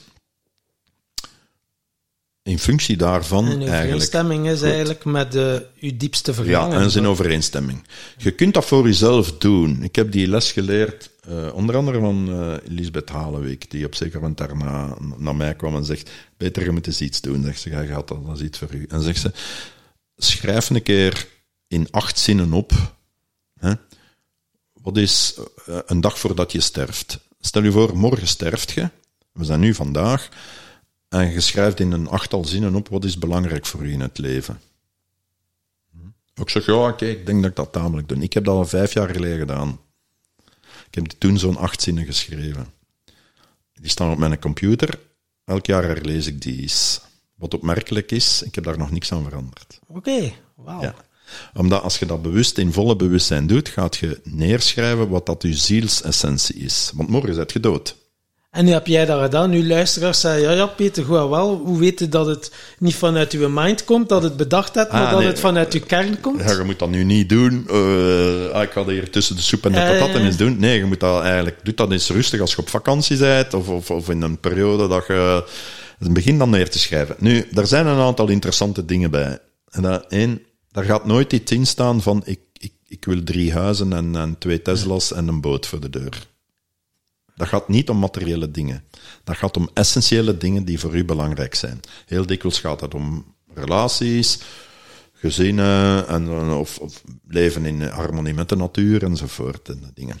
Het, het opmerkelijke is ook, de dag dat je dat gedaan hebt en je hebt dat staan, je mag dat veranderen, dan gaat het daar automatisch naar beginnen leven Ja. omdat je je ziel hebt neergeschreven. Je hebt, je hebt eigenlijk neergeschreven wat voor u belangrijk is qua zielsaspect. En je hebt het in de materie gezet, omdat je het opschrijft. En dan is, ja, dat is dan hand in hand uw zielsmissie en dan jouw kernwaarden, Je kernwaarden. uiteindelijk. Dat is dan En dan, wel... dan, dan, dan gaat het daar automatisch naar beginnen leven. En het is daar- ook een interessante, want Ja. mensen zeggen, ja, mijn kernwaarde is vrijheid bijvoorbeeld, oké. Maar voor de ene is vrijheid, oké, ik mag gaan werken van 9 tot 5, een job, en dan hoeft mij niks meer aan te trekken en ben ik vrij. En een ander zegt, nee, ik wil ondernemen, ik ga zelf wel bepalen wanneer dat ik werk en met wie dat ik werk. Dat is voor iedereen verschillend. Ja, Bij mij, ik weet dat er bij mij veel mensen gaan schrijven, eh, de, de relaties met mijn gezin en familie zijn belangrijk. Bij mij stond dat er niet in. Bij mij stond dat de relaties met mensen over de wereld zijn belangrijk. En ik kijk daarop terug en ik zeg, dat is hetgeen dat ik altijd gedaan heb. Ik heb heel veel contacten gehad met mensen, altijd in liefde en in en verbinding, altijd het positieve in de mens gezien, ook op militaire missies. Ik heb ook altijd positieve mensen en heel maar, geweldige mensen tegengekomen. Mensen die niet naar school geweest zijn, zijn voor mij de, de, de beste leraars van mijn leven geweest. Universiteit van het leven. Ja, uh, mensen, ik zat in, in Afrika onder een boom met een zwarte een vriend, waarover ik een keer een pint mee. Die man die was nauwelijks lagere school gedaan, die heeft mij de grootste wijsheden van het leven geleerd. Die heb ik niet geleerd op een universiteit, hè, by the way. En, en als een keer dat je die waarde begint neer te schrijven, voor mij was contact met, met mensen op de wereld was belangrijk. Nu ben ik wel benieuwd wat dat hij precies geleerd heeft. Uh, welke wijsheden dat dat waren. En een ah, drinken. ja, dat staat in mijn boek. Ja. Ah, oké. Okay. Ja, ja, ja, Dat staat in mijn, uh, in mijn boek ah, staan er heel wat anekdotes. Oh, ja, want we, zijn, we zijn al een uur en vijftig ver ondertussen. maar je bent ook auteur, inderdaad. Uh, oh. Ik had er al een paar keer over willen beginnen. Ja, als je een boek geschreven hebt, mag je jezelf auteur noemen, Peter. Ah, ja, ja, ja. Ja, mijn boek is eigenlijk... Uh, één, uh, in het begin van de coronacrisis ben ik eigenlijk serieus uh, helemaal uit evenwicht geraakt. Hè. Gewoon is dat hier nu. Ik heb 35 jaar vanuit Defensie gestaan voor waarden, vrijheid, democratie en, en ja, waar, ja. En ineens was dat weg. Ineens zet men mij vast in, in totale lockdown. Dat, dat conflicteerde verschrikkelijk bij mij. Um, en mij maakt het niet uit als men mij opsluit in mijn huis of op, in een grens die duizend kilometer ver staat. Het blijft een gevangenis. Wie zijn zij om te zeggen dat ik geen duizend kilometer verder mag zijn? Daar komt het eigenlijk het aspect soevereiniteit bij. Wie zijn zij om te zeggen dat ik niet naar Amerika mag gaan? Allee zeg. Ik kan nog wel begrijpen in een context dat, oh gasten, we weten niet wat er gebeurt, we moeten hier even uh, zien, daar wil ik mee ingaan, maar niet meer na jaar. Hè. Voilà, dat is één. Dus ik heb daar enorm conflicten mee gehad. Ik ben dan zeer zwaar ook naar binnen moeten gaan. Wat moet ik hier nu mee? Um, weer al die wijze vrouwen tegengekomen die me zeggen, naar binnen, naar binnen, naar binnen. Tien jaar geleden had men mij ooit gezegd, jij moet eens een boek schrijven met al uw verhalen en hetgeen dat jij meegemaakt hebt. Zei, ja, een boek schrijven, mannetjes. Pff, hoe begin je daaraan, joh? Ja. En dan is er iets gebeurd, eind 2020. Uh, uh, heb ik eigenlijk een zeer zwaar proces doorgegaan. Um, dat staat voor een stuk beschreven in het boek. Um, maar heb ik een zeer zwaar inzicht gekregen. In die zin dat op een nacht ik alle informatie binnen heb gekregen die ik moest hebben. Dus ik wist waarom dat ik in het leger was. Ik wist waarom dat ik met mijn vrouw getrouwd was. Ik wist waarom dat mijn beste vriend overleden is als hij 23 was. Ik wist wat ik in mijn vorig leven gedaan heb. Ik wist waarom. Ik wist waar ik was. Ik wist wat dat mijn vrouw daar deed. Ik wist met de mensen. Dat, dat, ik wist Gewoon een download. Gewoon een download. Kreeg, ja, het is eigenlijk een channeling geweest. Ja. Ik vermijd van dat woord te gebruiken, omdat veel mensen daar eigenlijk op uh, knappen. Maar eigenlijk was het dat. Eigenlijk was het. Je was wakker? Je hebt niet altijd, je hebt niet altijd een, een ayahuasca nodig om inzichten te krijgen. Soms krijg je het zo binnen, op het moment dat het klaar was. En van daaruit is een titel van mijn boek gekomen. En ineens wist ik waarover dat ik moest schrijven. En een titel van het boek heet Als een soldaat inslaapt, kan de krijger ontwaken. Wow. Door dat inzicht wist ik heel goed, ik ben in dit leven soldaat geweest, maar ik ben in vorige levens krijger geweest. De essentie van een boek, en het is geschreven vanuit mijn levensverhaal, een stuk, en ik laat zelf aan de lezer van uh, wat is waar, wat is niet waar, dat moet je zelf maar uitmaken. Maar de essentie van dit leven is, wij gebruiken die termen door elkaar, soldaat en krijger, en we moeten die terug herdefiniëren en uit elkaar trekken. Veel mensen zitten nu in een situatie in hun leven dat zij werken en bezig zijn als soldaat. Dat heeft niks te maken met het defensieapparaat, daar, dat maakt het beeld duidelijk, maar of dat jij nu in een bank werkt, of een ziekenhuis, of voor een verzekeringsmaatschappij, of een tijger wat, heel dikwijls komen mensen tot de vaststelling dat ze, er klopt hier iets niet. Bij mij is dat letterlijk gebeurd. Uh, op zeker moment, ik heb, zoals gezegd, heel veel landen geweest. Op zeker moment sta ik in Afghanistan. En kom ik tot de vaststelling, maar wacht, geen dat men naar ons in Brussel uitzegt wat hier, uitlegt wat hier allemaal gebeurt, dat klopt ergens niet. Maar dat drong nog altijd niet door. Het heeft dan nog jaren geduurd voordat men, en dan ben ik er ook uitgestapt, dan ik zeg, ja maar wacht, ik ben hier soldaat. En, ik, en het systeem dat mij stuurt, staat totaal losgekoppeld van hetgeen dat ik aan het doen ben. En dat is een essentieel verschil. Ja? Een krijger maakt deel uit van de gemeenschap van de tribe, als je het wilt. En die, Een krijger is niet noodzakelijk de persoon die altijd met het zwaard staat te vechten. Of dat jij, jij kunt met een pen ook strijden, jij kunt uh, deel, maar je maakt deel uit van die tribe. En die wordt aangestuurd door hetgeen ik noem een raad der wijzen. Ja? Waar dat wijze vrouwen in zitten, wijze mannen, ook krijgers, en die beslissen wat is goed voor de tribe. Ja? En indien nodig zullen zij de krijgers uitsturen om te gaan jagen en in het uiterste geval om de tribe te verdedigen. Maar zeer weinig gaan zij uitgestuurd worden om te gaan veroveren. Wij hebben vandaag veel te veel soldaten en veel te weinig krijgers. Het proces dat bezig is, is dat veel mensen beginnen te groeien en zeggen, wacht, dat proces bezig zijn van om te zetten van een soldaat naar krijgerschap. Maar ze weten het nog niet. En ze voelen het wel al, maar ze kunnen het niet definiëren. En door dat boek begin ik eigenlijk die noties uit elkaar te trekken. Ik heb dat geschreven vanuit mijn eigen helingsproces. Het was eigenlijk niet echt de bedoeling van een boek uit te geven. Ik heb dat dan wel laten drukken, nu via een uitgever. Je kunt dat uh, laten drukken via internet enzovoort. Dan heb ik mijn eerste dertig boeken besteld. Voilà. En dan hebben heel wat vrienden en kennissen waar zeggen, wow, ik wil dat boek wel lezen. Maar intussen is dat wel een succes kunnen antwoorden.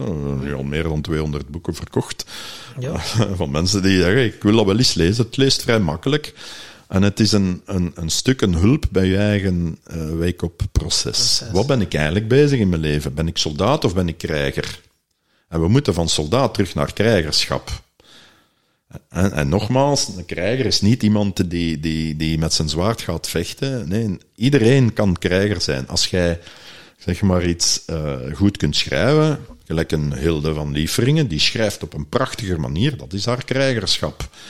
Um, een moeder die opkomt voor de rechten van haar kind, omdat ze zegt, ik wil mijn kind niet laten vaccineren, dat is krijgerschap. Ik heb moeders die mij gebeld hebben ook, vorig jaar, zeggen, als ze de kinderen begonnen te vaccineren, die zeggen, oh, wat moet ik doen? Zeg, wacht, ik ga u dingen zeggen, maar jij gaat het moeten doen. Ik kan niet voor u zeggen wat jij moet doen voor je kind. Jij gaat het zelf moeten doen. Maar ik kan u wel zeggen wat ik weet. Zeg, schrijf een brief naar de leraar, naar de directeur van school, nominatief, en zeg, ik wens niet dat mijn kind gevaccineerd wordt. En als jij het toch doet, of laat doen, wanneer mijn kind in school is, dan stel ik u persoonlijk verantwoordelijk. Dan schrijf die een brief, maar jij gaat hem moeten schrijven en opsturen. En dan is het krijgerschap van het moederschap.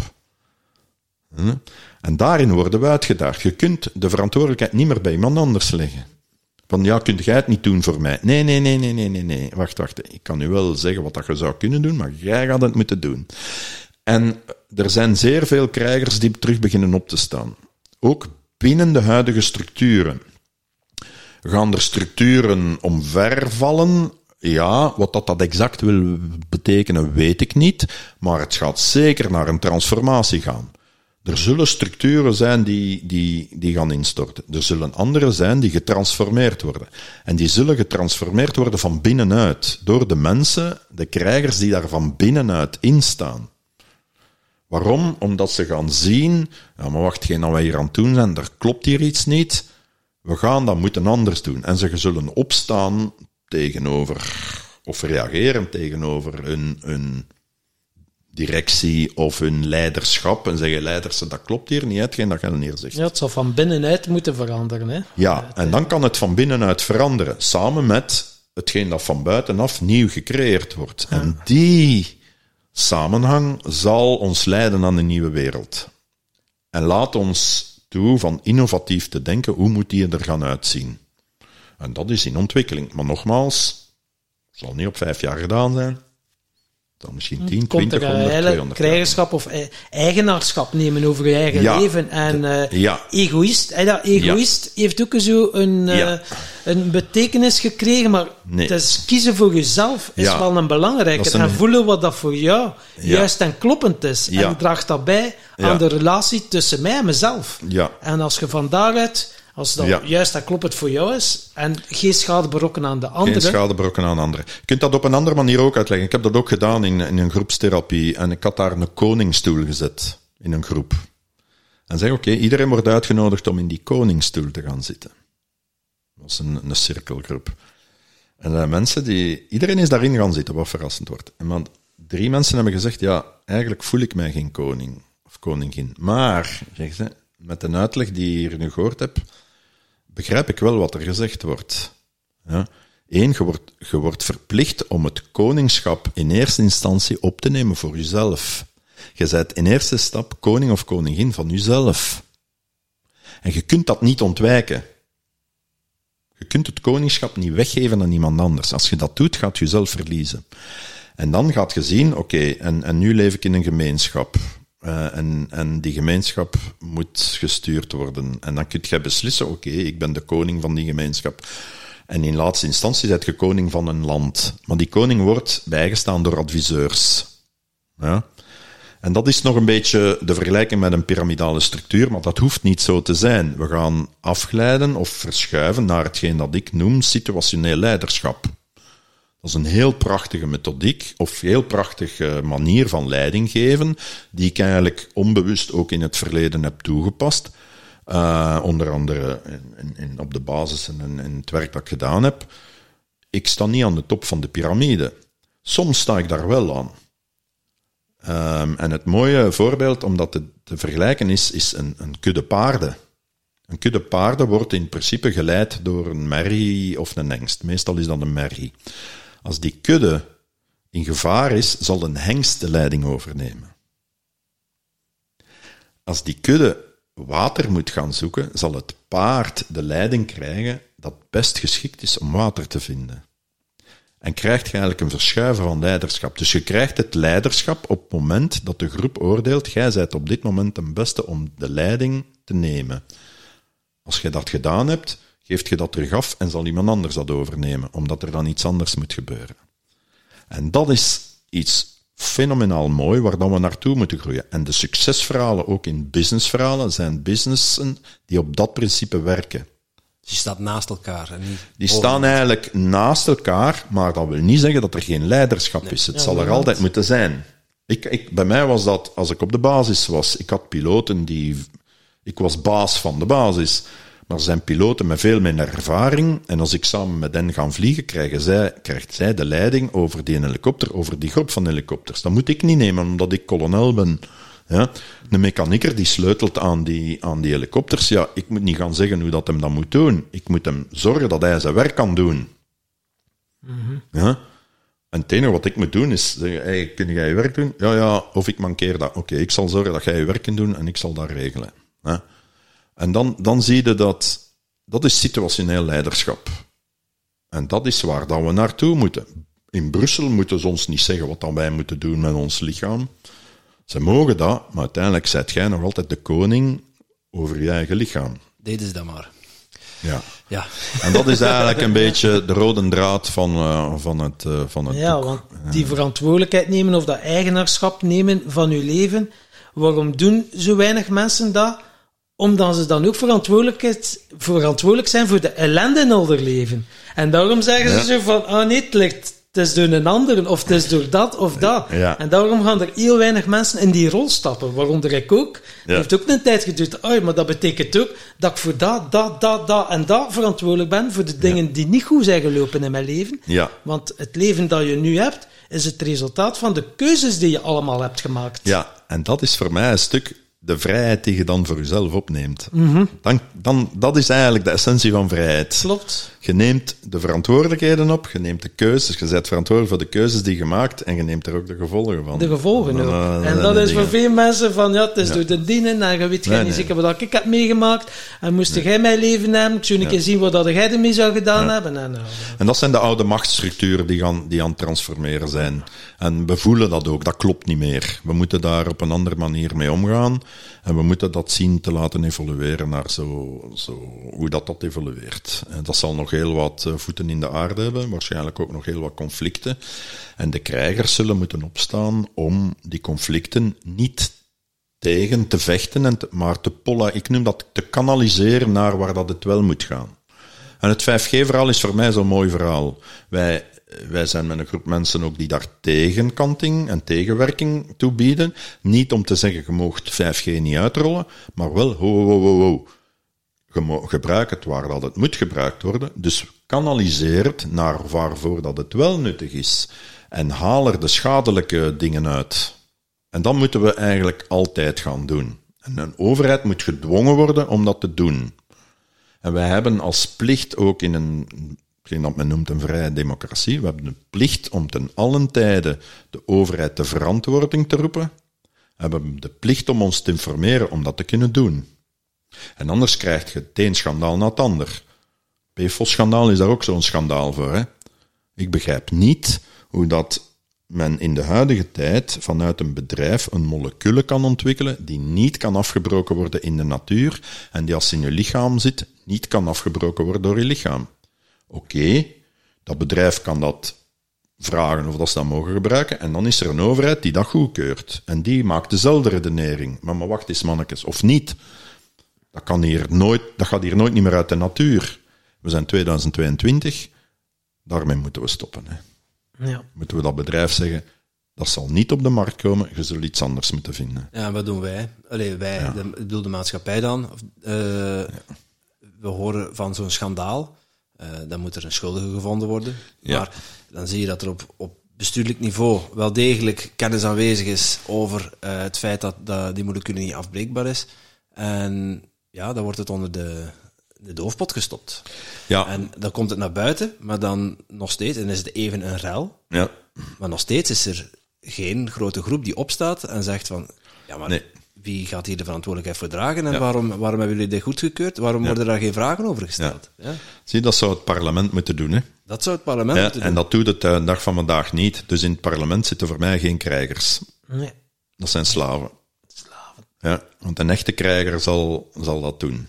je, hebt het over, je hebt het over krijgers. Eh, er is een nood aan meer krijgers. Maar eh, hoe word ik een krijger? Door, eigenlijk word je automatisch krijger, want dan, dan ga je eigenlijk eh, alles wat, waar je nu de verantwoordelijkheid buiten jou ligt, ga je terug naar jou trekken. En de dag dat je in essentie ziet wie dat je bent, wat jouw waarheden zijn, waarvoor dat jij staat, ja, dan, dan ga je automatisch ook niet anders kunnen dan die waarden te verdedigen. Hoe in een alignment zijn. Ja, in alignment. En in C verandert dan niet veel van mij en jou. Gaat zien, want, want uiteindelijk gaat het allemaal om hoe berokken ik geen schade aan derden. Dat is de essentie eigenlijk. En hoe kan ik mijn leven in harmonie leiden hier, zonder schade te berokkenen. En dus ik, ik uit dat op een andere manier, mijn krijgerschap, als jij, maar in essentie is het allemaal hetzelfde. Het gaat over de diepste waarde van het, het mens zijn, en die vinden in uzelf. Ja? En ik weet dat sommige mensen gaan zeggen, ja, maar krijgerschap, krijgerschap, oké. Je kunt dat in gelijke bewoordingen noemen. En, en we, zijn niet allemaal krijgers, die, die moeten op de barricades gaan staan, want we hebben ook een raad der wijze nodig daarachter. En de dag van vandaag ga je moeten zoeken, oké, welke plaats neem ik in in het spectrum van alles wat er moet zijn om tot een evenwichtige maatschappij te komen. En dat spectrum gaat van in de rechterzijde de raad der wijzen, hè, die, die, en, en de lichtwerkers zitten daar ook, die, die, die eigenlijk via hun ervaring wijsheid eigenlijk weten, weten wat er moet gebeuren. En daartussenin heb je dan werkers en dit, en aan het andere uiteinde staan de krijgers die ten voordele van gans die gemeenschap gaan doen wat dat er moet gedaan worden. En soms zal dat ook krijgeren zijn. Wat is eigenlijk uw unieke bijdrage aan het grotere geheel? aan het grotere geheel. En gans dat spectrum hebben we nodig. En, en je gaat zelf moeten zoeken, oké, waar sta ik in dat grotere geheel en wat is mijn talent daarin? Ja? En ik heb dat ook moeten uitvissen. En ik dacht ook, ja, ik kan nu van dat krijg, ik heb hier nu al genoeg eh, gevochten, ik kan nu naar van achter. En dan zegt een wijze vrouw, zegt, nee, nee, nee, nee, jij moet niet van achter zijn, jij moet daar ergens tussenin gaan staan. En nu sta ik daar tussenin. Ja. En nu ondersteun ik mensen die, die wel in dat krijgerschap staan. Gelijk jullie twee. Jullie, jullie twee met die podcast doen aan krijgerschap. Jullie brengen informatie op jullie manier. Een heel originele, ludieke manier. En ik ben hier en zeg, oké mannetjes, ik zet mijn hand in uw rug, doe maar. En dat moeten we bij kinderen ook gaan doen. We moeten stoppen met kinderen te zeggen wat dat ze moeten doen, waardoor dat we niet de talenten zien bij de kinderen die er sowieso in zitten. Maar dat is natuurlijk al het schoolsysteem. Ze maken van Ja. ons moderne slaven, zodat je kunt passen in het systeem. Je krijgt een labelken Ja. en dan ga jij geld verdienen Ja. voor die eh, paar eh, enkelingen die ermee alles Ja. gaan gaan lopen. Ja. En zo Ja, simpel in is het het. Boek, in het boek leg ik dat op een heel ludieke manier uit. ja. En dat noemt het uh, saucissenmodel. Oké. Het Sussische-model. Het Nu ben ik wel ben wel benieuwd. Ja. En dat is, Ik eh, ben een jonge heb, papa, dus ik ben extra ik heb dat saucissenmodel genoemd. Waarom? Omdat een saucis in het Nederlands is hetzelfde als een saucis in het Frans en een sausage in Engels. De enigen die dat niet begrijpen zijn de Nederlanders. Dan het worst. Want die zeggen, wat is dan een saucis? Zeg, dat is een worst. Ja. Ja. Maar eigenlijk, eh, in het kort, is dat uitgelegd. Kijk, wij, wij, kinderen worden geboren in alle vrijheid. Een kind is vrij. Doet alles wat dat het moet doen. Ja. En dan gaat dat naar de kleuterklas en de eerste studiejaar. Als dan, en dan gaat dat de saucis binnen. En dat wordt op een bank gezet en krijgt informatie binnengeschoven wat dat het moet leren. En enkel dat. Op het einde van het eerste studiejaar komt dat buiten, krijgt dat een eerste stempel. Je bent klaar voor het middelbaar. Gaan een tweede saucis binnen. Weer hetzelfde. Worden nu dingen door je strot geduwd en kinderen die zeggen, ja, wacht, dat wil ik niet doen, of, of daar is iets dat niet klopt, die worden gewoon doodgeslagen. Ja. Het einde van het middelbaar krijg je terug een stempel. Goed voor de universiteit. Dan gaan een derde saucis binnen. Ja. En op het einde van die saucis krijg je een stempel klaar voor de dienst. En mogen jij je werk gaan doen, maar dan zijt je intussen zo geïndoctrineerd dat je niet meer buiten die saucis denkt. Ja. Ik ben buiten die saucis gestapt. Ja. Een keer dat je uit die saucis staat, ziet je die saucis liggen. Dan zeg je, hé hey mannetjes, kom eens naar buiten, want hey, dat, hier zie je veel meer, hè. En diegene die in die saucis zitten, maar wacht, oh, wat doe je daar uit die saucis? Dat is, eh, Dat mag dat is niet. al de gevaarlijkste man daar, dat je daar zit. En zo, ja. Zie je dat? Dus je stapt uit die saucis. En dan krijg je weer dat hele grote geheel en zie je dat de waarheid niet in die saucis zit, maar veel breder is dan die saucis. Ja, een mooie. Ja? En dan een keer dat je daaruit stapt, dat je dat begint te zien. En zolang als dat je daarin zit, spant dat langs alle kanten. En je zegt, ja, ik zit hier wel goed, hè, want iedereen zit hier. Ja, maar wacht. eh, Alleen degenen die aan die rand beginnen zitten, die zien dat daar buiten ook nog iets is. En, en, en op een moment beslissen die van daaruit te stappen. En dan, dan gaat de wereld open. Een keer dat je daaruit zit, geraakt je daar nooit niet meer terug in. Een keer dat je eruit stapt, gaat je Nee, nooit niet meer naar Het is binnen. alsof het principe van Sinterklaas. Een keer dat je weet dat hij niet bestaat, Raakt er dat, nooit dat, meer dat, niet meer zeggen. En dat is het saucissenmodel. En dat is een onderwijssysteem. En dat, is, dat loopt valikant af. Ik speel elk jaar nog altijd Sinterklaas om in een schooltje. Niet dat ik echt achter het model van Sinterklaas niet meer staan, maar enfin, eh, daar heb ik iets heel schoon geleerd. Op een gegeven moment zit ik voor de klas, van het eerste tot zesde, en die komen allemaal de een doen dansken en zang en liedje en dansen enzovoort. En ik zit daar en ik kijk naar 25 kinderen en ik, ik- er dringt bij mij binnen, maar dat zijn 25 verschillende individuen, elk met hun eigen talent, elk met hun eigen kunnen. En die lerares die hier staat, die wordt gevraagd van die allemaal op dezelfde manier daardoor te jassen. Eenheidsworst. Eenheidsworst. Ja. Die lerares beseft niet, die weet dat wel, maar dat dringt nog niet door, dat dat niet het model is dat we moeten hebben. Nee, we moeten gaan naar een model dat elk talent bij het kind ziet, erkent en dan laat ontwikkelen. En in C deden de oudere volkeren deden dat. We zijn dat allemaal vergeten. Maar bij de Indianen liet men de kinderen gewoon vrij lopen. En een, een kind kreeg eigenlijk ook maar zijn naam na een aantal jaren. En de groep der wijzen, die bekeek die kinderen. En die zegt, ah, maar wacht, die heeft talent om krijger te worden. Die heeft talent om eh shamaan te worden. Die heeft talent om iets anders te doen. En op dat moment werden ze geleid en werden ze opgepikt en werd er gekozen voor om hun talenten te laten ontwikkelen. Maar men wachtte en men keek eerst naar de talenten van de kinderen. En dat is hetgeen dat we moeten doen. En die eenheidsworst gaat barsten. En je ziet dat nu al bij jongeren. Jongeren voelen zich niet meer goed in hetgeen dat in de wereld gebeurt. Wij willen die nog altijd van hogeruit dwingen met die wortel die daar hangt. Ja, maar je moet toch werken voor je pensioen. Iemand die vandaag 20 jaar is, hè, die ligt niet wakker van het pensioen en die weet inherent in de diepste cellen, er zal geen pensioen meer zijn op dat moment. Er zal iets anders zijn. Wat dat dan anders is, weet ik ook niet. Het zal wel opgelost worden, maar het zal niet meer zijn hetgeen dat wij gekend hebben, of ik gekend heb. Dus maak hun dat ook niet wijs. En dan bestaan er schone modellen die, die, die, die bestaan. Hè. Er zijn oplossingen voor. Hè. Ontwikkel de talenten van een kind. Zeg tegen een kind, kijk, oké, je mag doen wat je wilt en we gaan u daarbij helpen. En je zult je talent op zeker moment moeten inbrengen in de maatschappij of in onze gemeenschap. Er wordt u ook gevraagd om dat talent erin te brengen. Want je moet daar iets bijdragen in uw gemeenschap. Dat wordt u gevraagd. Wil je een keer een jaar op reis gaan? Ga een jaar op reis. Maak kennis met de wereld. Ga met de volkeren spreken. Kom terug en dan, en dan krijg je een, een, een levens dat ook permanent kennis zal moeten vergaren. Het is idioot om te denken dat na de universiteit, voilà, nu weet ik alles, nu kan ik komen 40 jaar mijn werk doen. Ik heb dat ook gedaan. Ik heb een ingenieursdiploma. Ik heb daar vijf jaar geleden vuilbak in gekieperd. Waarom? Eén, niemand heeft me dat ooit gevraagd. En twee, ik weet begot niet meer wat ik gestudeerd heb 40 jaar geleden. Behalve één vak, dat is uh, kwantumfysica, waar dat ik toen geen bal van begrepen heb. Maar nu, 30 jaar later, met de kennis zit daar nog ergens in, wat ik nu zie, hoe dat, hoe dat ik holistisch moet denken. Ja. En wat kwantumfysica eigenlijk betekent. Zie je? Dat is het enige vak waar dat ik nu iets aan heb. Al de rest, vuilbak. Ben ik nooit niks mee geweest. Allee ja, misschien wel een manier van denken, maar niet met dat fysieke. Dus ik, je wordt ook uitgedaagd om ten allen tijde in je leven terug kennis te gaan opdoen.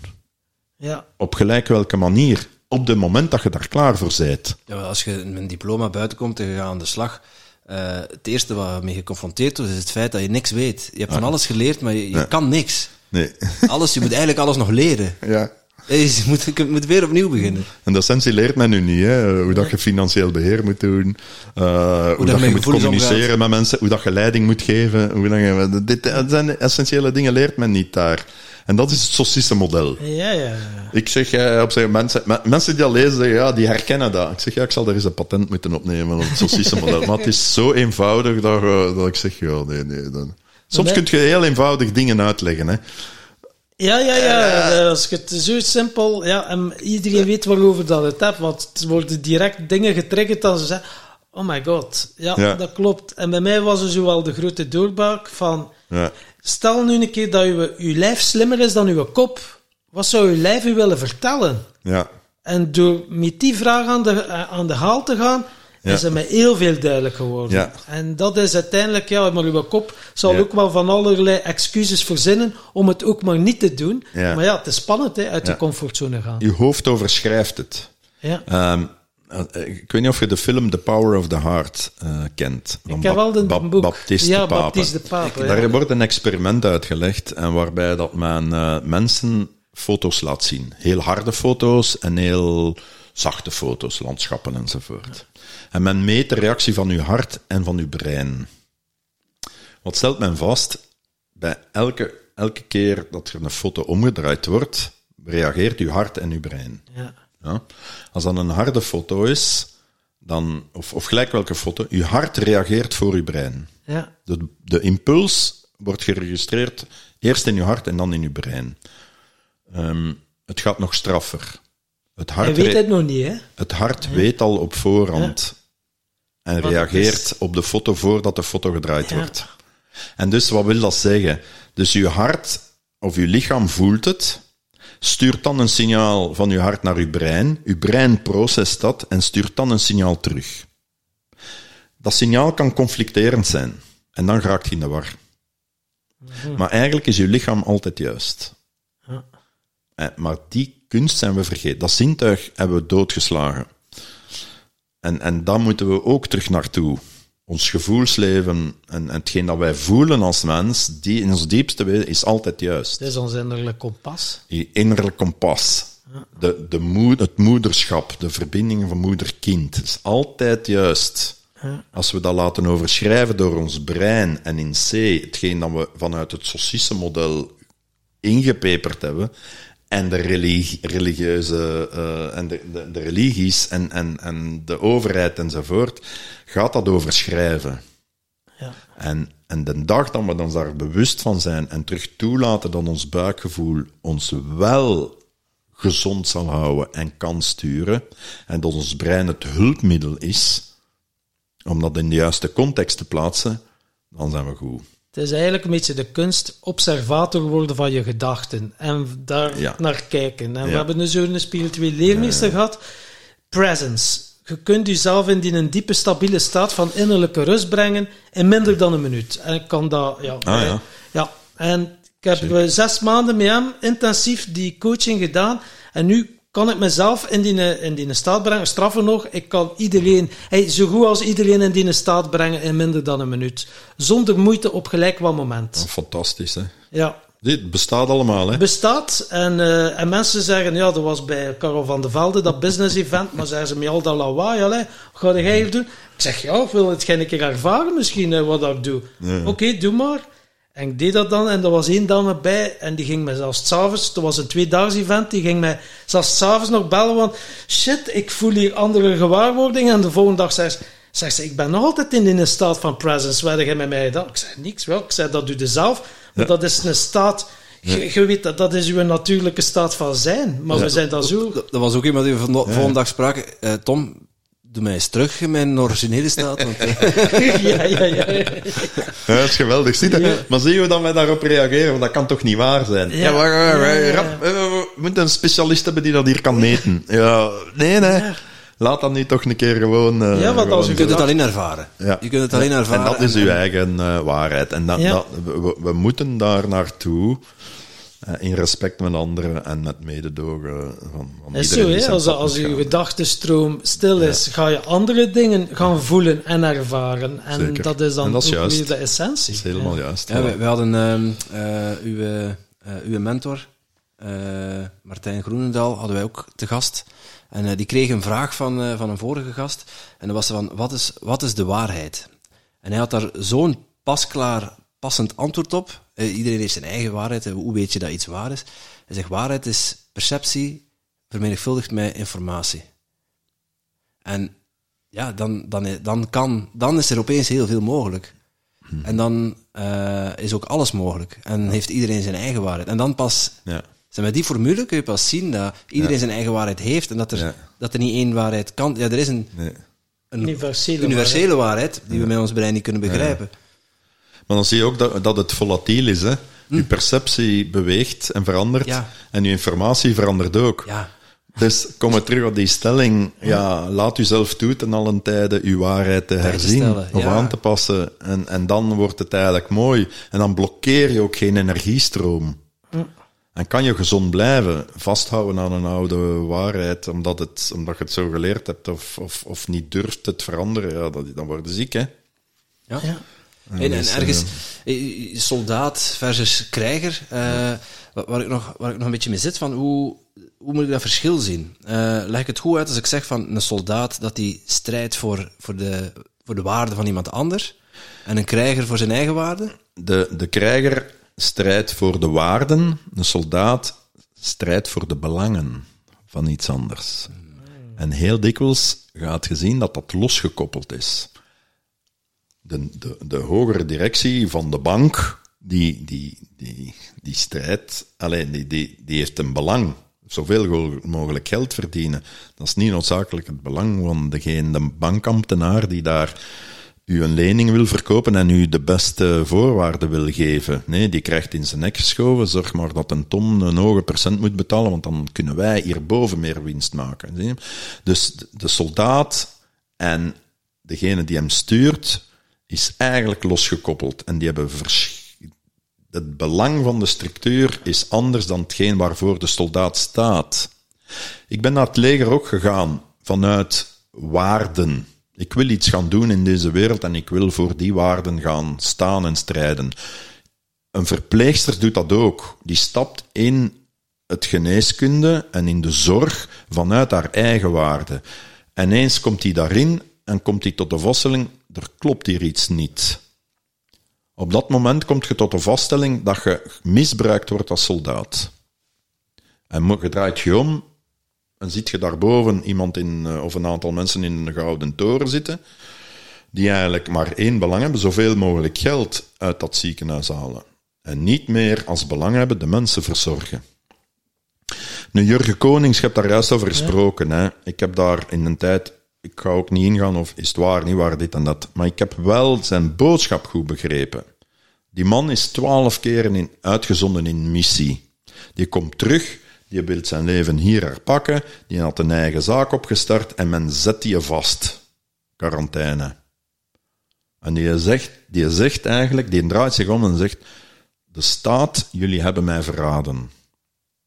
Ik heb jaren gevochten, gestreden voor democratie, vrijheid en waarden, waarvan ik dacht dat wij ze uitdraagden, en nu gebruikt je ze tegen uw eigen mensen.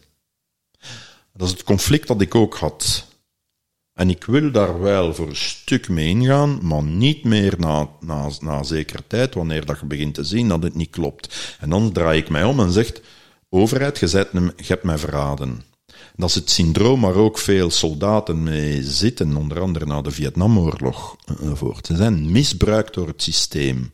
En dan werd je als soldaat. En dat is hetgeen waar dan we vanaf moeten. En veel soldaten werken of doen hun werk vanuit een eigen goedheid, een, een stuk zielsmissie, tot wanneer dat ze vaststellen dat ze verraden worden. En dan worden ze ziek. En dat is het fenomeen van de burn-outs, voor een groot stuk. En ze voeren uit zonder nog zelf over na te denken. Dat is ze zitten in een keurslijf. maar ze worden dus beginnen wakker te worden. Ja, ja. En zeggen, oh, er is hier iets dat niet klopt. Dan staat er, als je dat kunt omdraaien, dan kan je terug krijger worden. Dan kan je de, de waarde waarvoor dat jij staat gaan zien in het grotere geheel. En ga je op zoek naar een structuur die, die ook die waarden draagt. Lukt dat niet, dan gaan die systemen die gaan instorten. Hoe meer bewustzijn dat er groeit, hoe meer dat die klassieke systemen gaan instorten. Ja? En dan gaat er van onderuit gaat je nieuwe systemen zien, die eigenlijk in C ook bestaan. Systeem van onderwijs, waar mensen zeggen, ik wil niet meer dat mijn kind in dat systeem stapt, in dat sociële-model, we gaan het zelf doen. ja. Dan krijg je inderdaad ook weer een groep van mensen die nadenkt op welke manier gaan wij onderwijs geven naar onze kinderen, op welke manier gaan we de talenten zien te ontwikkelen van onze kinderen, en die dat gaan uitwerken. En zelfvoorzienende communities en noem maar op. Ja. Er zullen wat parallelle eh En degene die dan het effectief de kinderen de les geven of, of de, de dingen gaan leren, dat zijn de krijgers dan van die groep. Maar dat is in overeenstemming met de mensen die zeggen, we gaan dat op die manier doen en proberen te doen. Dan maakt iedereen deel uit van dat systeem. En dan, dat is het krijgerschap. Ja? Mooi. En dan ga je ook wel geluk en succes ervaren natuurlijk. Ja, dan ga, je, dan ga je 16 uur per dag kunnen werken, hè, zonder eh, het s'avonds dood op in je zetel te, te plakken, omdat je... Nee, nee, het werk dat je doet gaat ook bevredigend zijn. En, eh, Er is niks fout met, met, met te werken, hè. nee. Als jij je werk graag doet, dan, dan doe je dat. Dan voelt dat niet en in gemeenschap met, met, met leuke mensen die dan het stuk dat jij niet graag doet, doet. En, en jij, iedereen zijn talent. En dat is, eh, dat is voor mij het krijgerschap. Ja, want ja. dit is ook werk, maar dit voelt niet aan als werken. Nee, voilà. Ja. Toch, en toch zijn we aan het werk. En Ja. Toch zijn we heel hard aan het werk. Ja. ja. Wij werken aan geluk en succes. Hè. Zeker. Ja, ja, ja, ja, ja. Is het- Tom maakte net al het bruggetje. Eh, ik, ik, ben, ik ben wel heel benieuwd eh, wat voor jou de definitie is van, eh, van geluk. Mijn definitie van geluk is ehm, ehm, leven in harmonie eh, op deze planeet. En dat in, in harmonie in de breedste zin. In harmonie met mensen, in harmonie met de natuur, in harmonie met, met mijn ziel, in harmonie met mijn eigen eh, waarden. Ehm, en dan, dan zijn je automatisch gelukkig. Dan, dan, dan, dan voelt dat heel natuurlijk aan. En eh, mensen die zeggen, ja, dat is allemaal gemakkelijk gezegd, leven in harmonie, hoe doe je dat? Eh, Gewoon doen. gewoon doen, hè? Je moet dat gewoon doen. Ja. Ehm, hetzelfde, hè.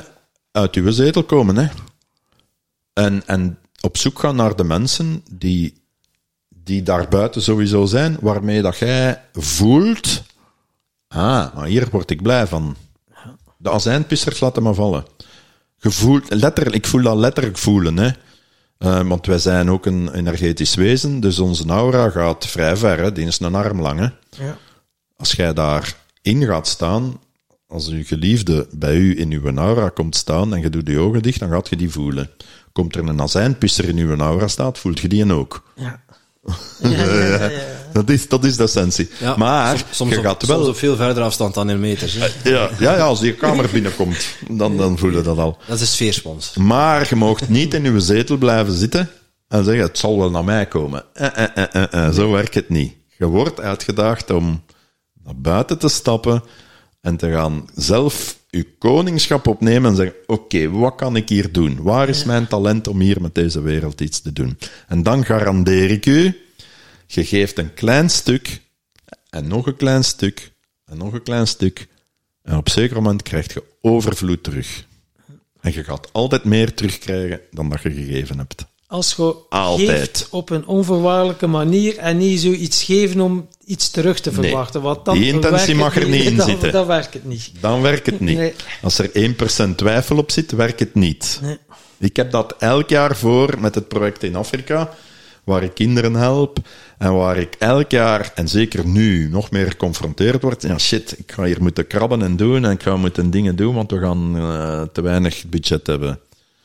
De moment dat ik dat loslaat en zeg, het zal wel goed komen, binnen de maand krijg ik geld op de rekening gestort. Kun je een keer kort eh, uitleggen wat dat eh, het project precies in? Ja, het is ook zo gegroeid vanuit mijn verleden. En eh, in Afrika, als ik in Afrika, en Congo en Benin en Afghanistan zat, je weet, als je daar langer bent en met contact hebt met de mensen, krijg je altijd de vraag, can you help me? Ja. Ja, allee, hier gaan we weer. En ik heb altijd wel met de mensen waar ik zeg, oké, ik kende dan hun levensomstandigheden, ik ging ook wel bij hen thuis kijken hoe ze leven, en ik zeg, oké, ik ga je helpen, maar ik ga je geen geld geven, ik ga zorgen dat je kinderen naar school kunnen gaan. En dat heb ik gedaan in Congo en in Benin en zelf in Afghanistan met twee jongens. Tot wanneer ik op reis ga in Kenia, en daar is datzelfde gebeurd. Ik ben begonnen met twee kinderen te helpen, schoolgelden te betalen. En dan is er iets gebeurd in Europa dat eigenlijk een trigger is geweest. We hebben tsunami gehad in 2004 en we hebben Haiti gehad in 2010.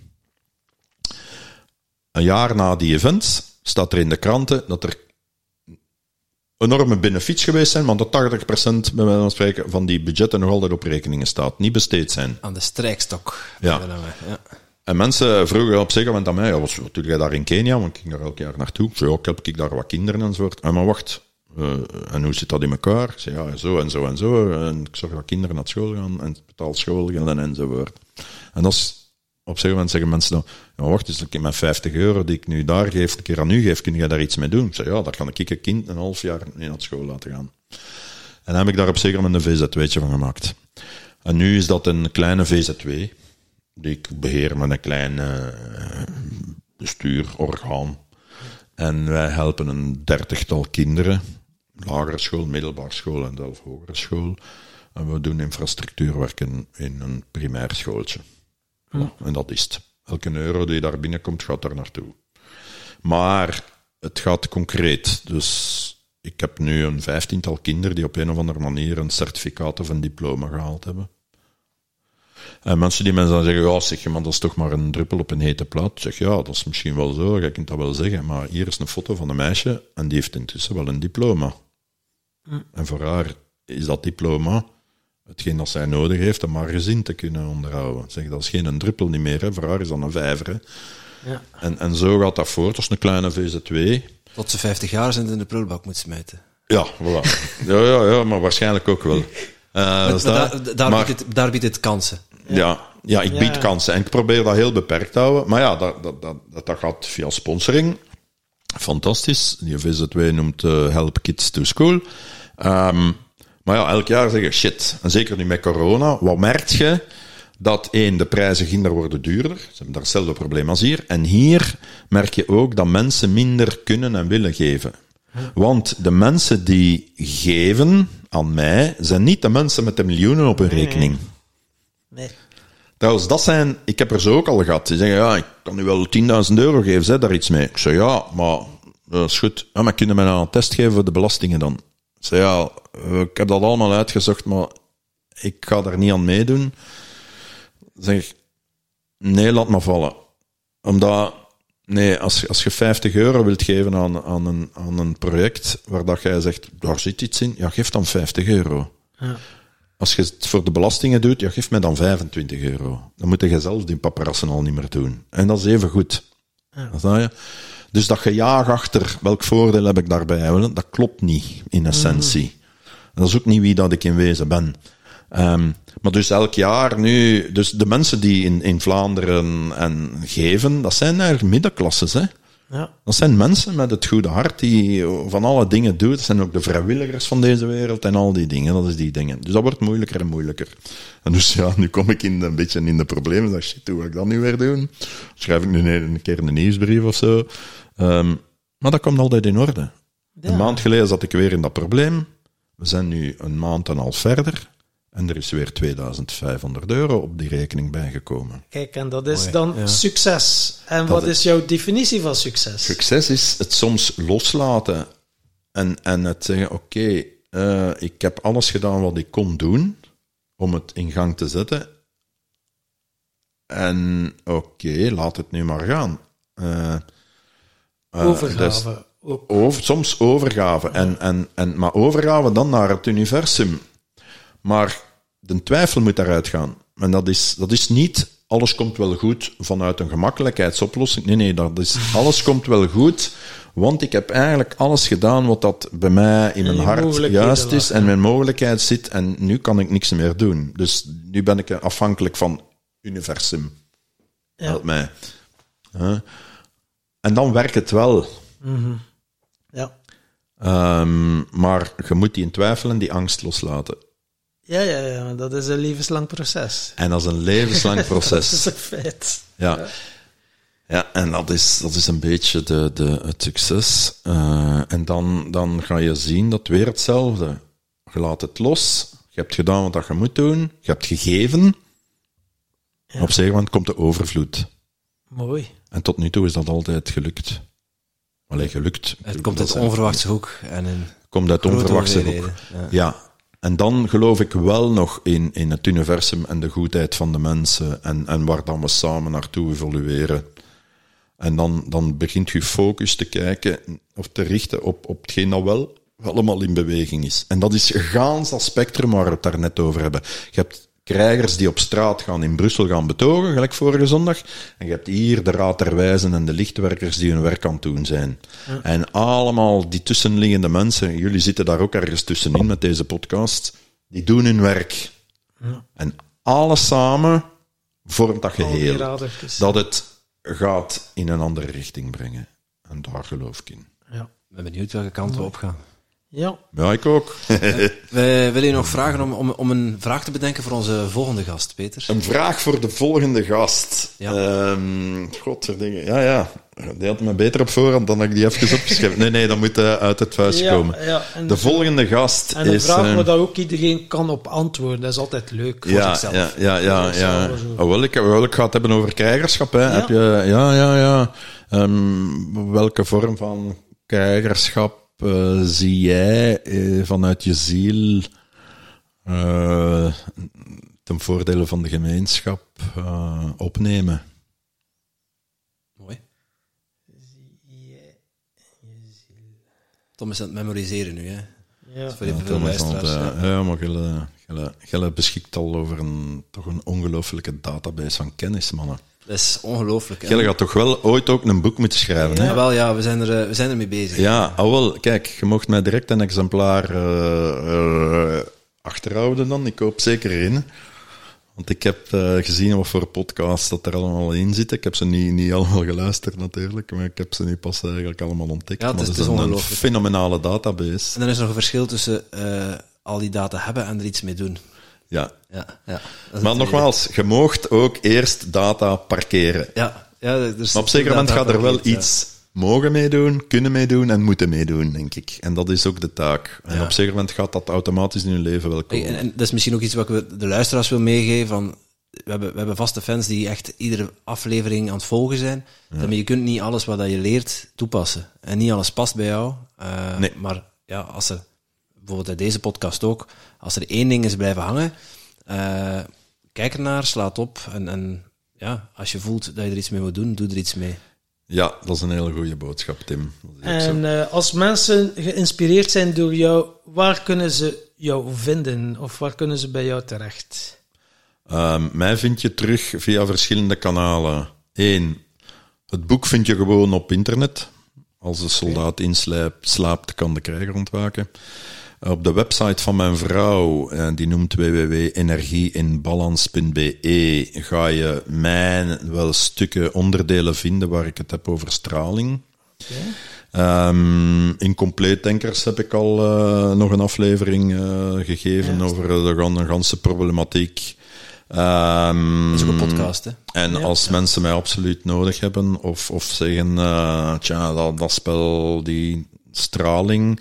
Ik, ik organiseer zelf geen presentaties. Ik, eh, dat is voor mij veel te veel werk. Maar als mensen zeggen, ik heb wel een groep van mensen die mogelijk geïnteresseerd zijn om naar je lezing eens eh, te kunnen komen luisteren, contacteer mij.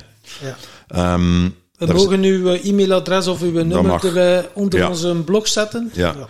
Ik heb geen verdienmodel. Ik moet daar ook niks aan verdienen.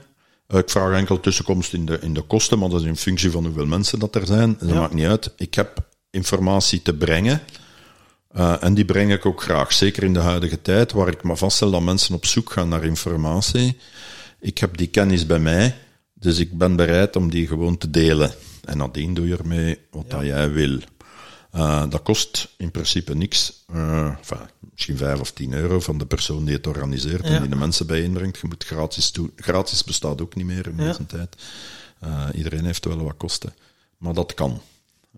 En zo is, is een van mijn taken, en dat, dat valt ook onder het krijgerschap, die, die informatie verspreiden. Ja. Voilà. Prachtig. Ja. Eh, over, eh, en de, de presentatie noemt hoe bewust omgaan met, eh, in een wereld van elektromagnetische straling. Wauw. We gaan dat allemaal mooi onder onze show notes zetten. Inderdaad. En, eh, dan rest ons enkel nog om je van harte te bedanken voor... eh, Bedanken, het, eh, niet bedenken. be- bedenken. Graag gedaan. bedanken. Bedenken. Ja, dat is uh, Doe Mijn Mind bedenkt. Ja. Ja. Graag gedaan. Het was blij om hier te zijn. Dankjewel. Super, dankjewel Peter. En jij natuurlijk ook super bedankt om te luisteren naar deze podcast. Voel jij je geïnspireerd? Je zou ons een enorm plezier doen door ons 5 sterren te geven of een review achter te laten in jouw favoriete podcast-app. En wil je geen enkel inspiratiemoment missen? Abonneer je dan op onze podcast of volg ons op social media at Tim Tom Podcast. Oké, dan moet je weer terug aan de. Hè?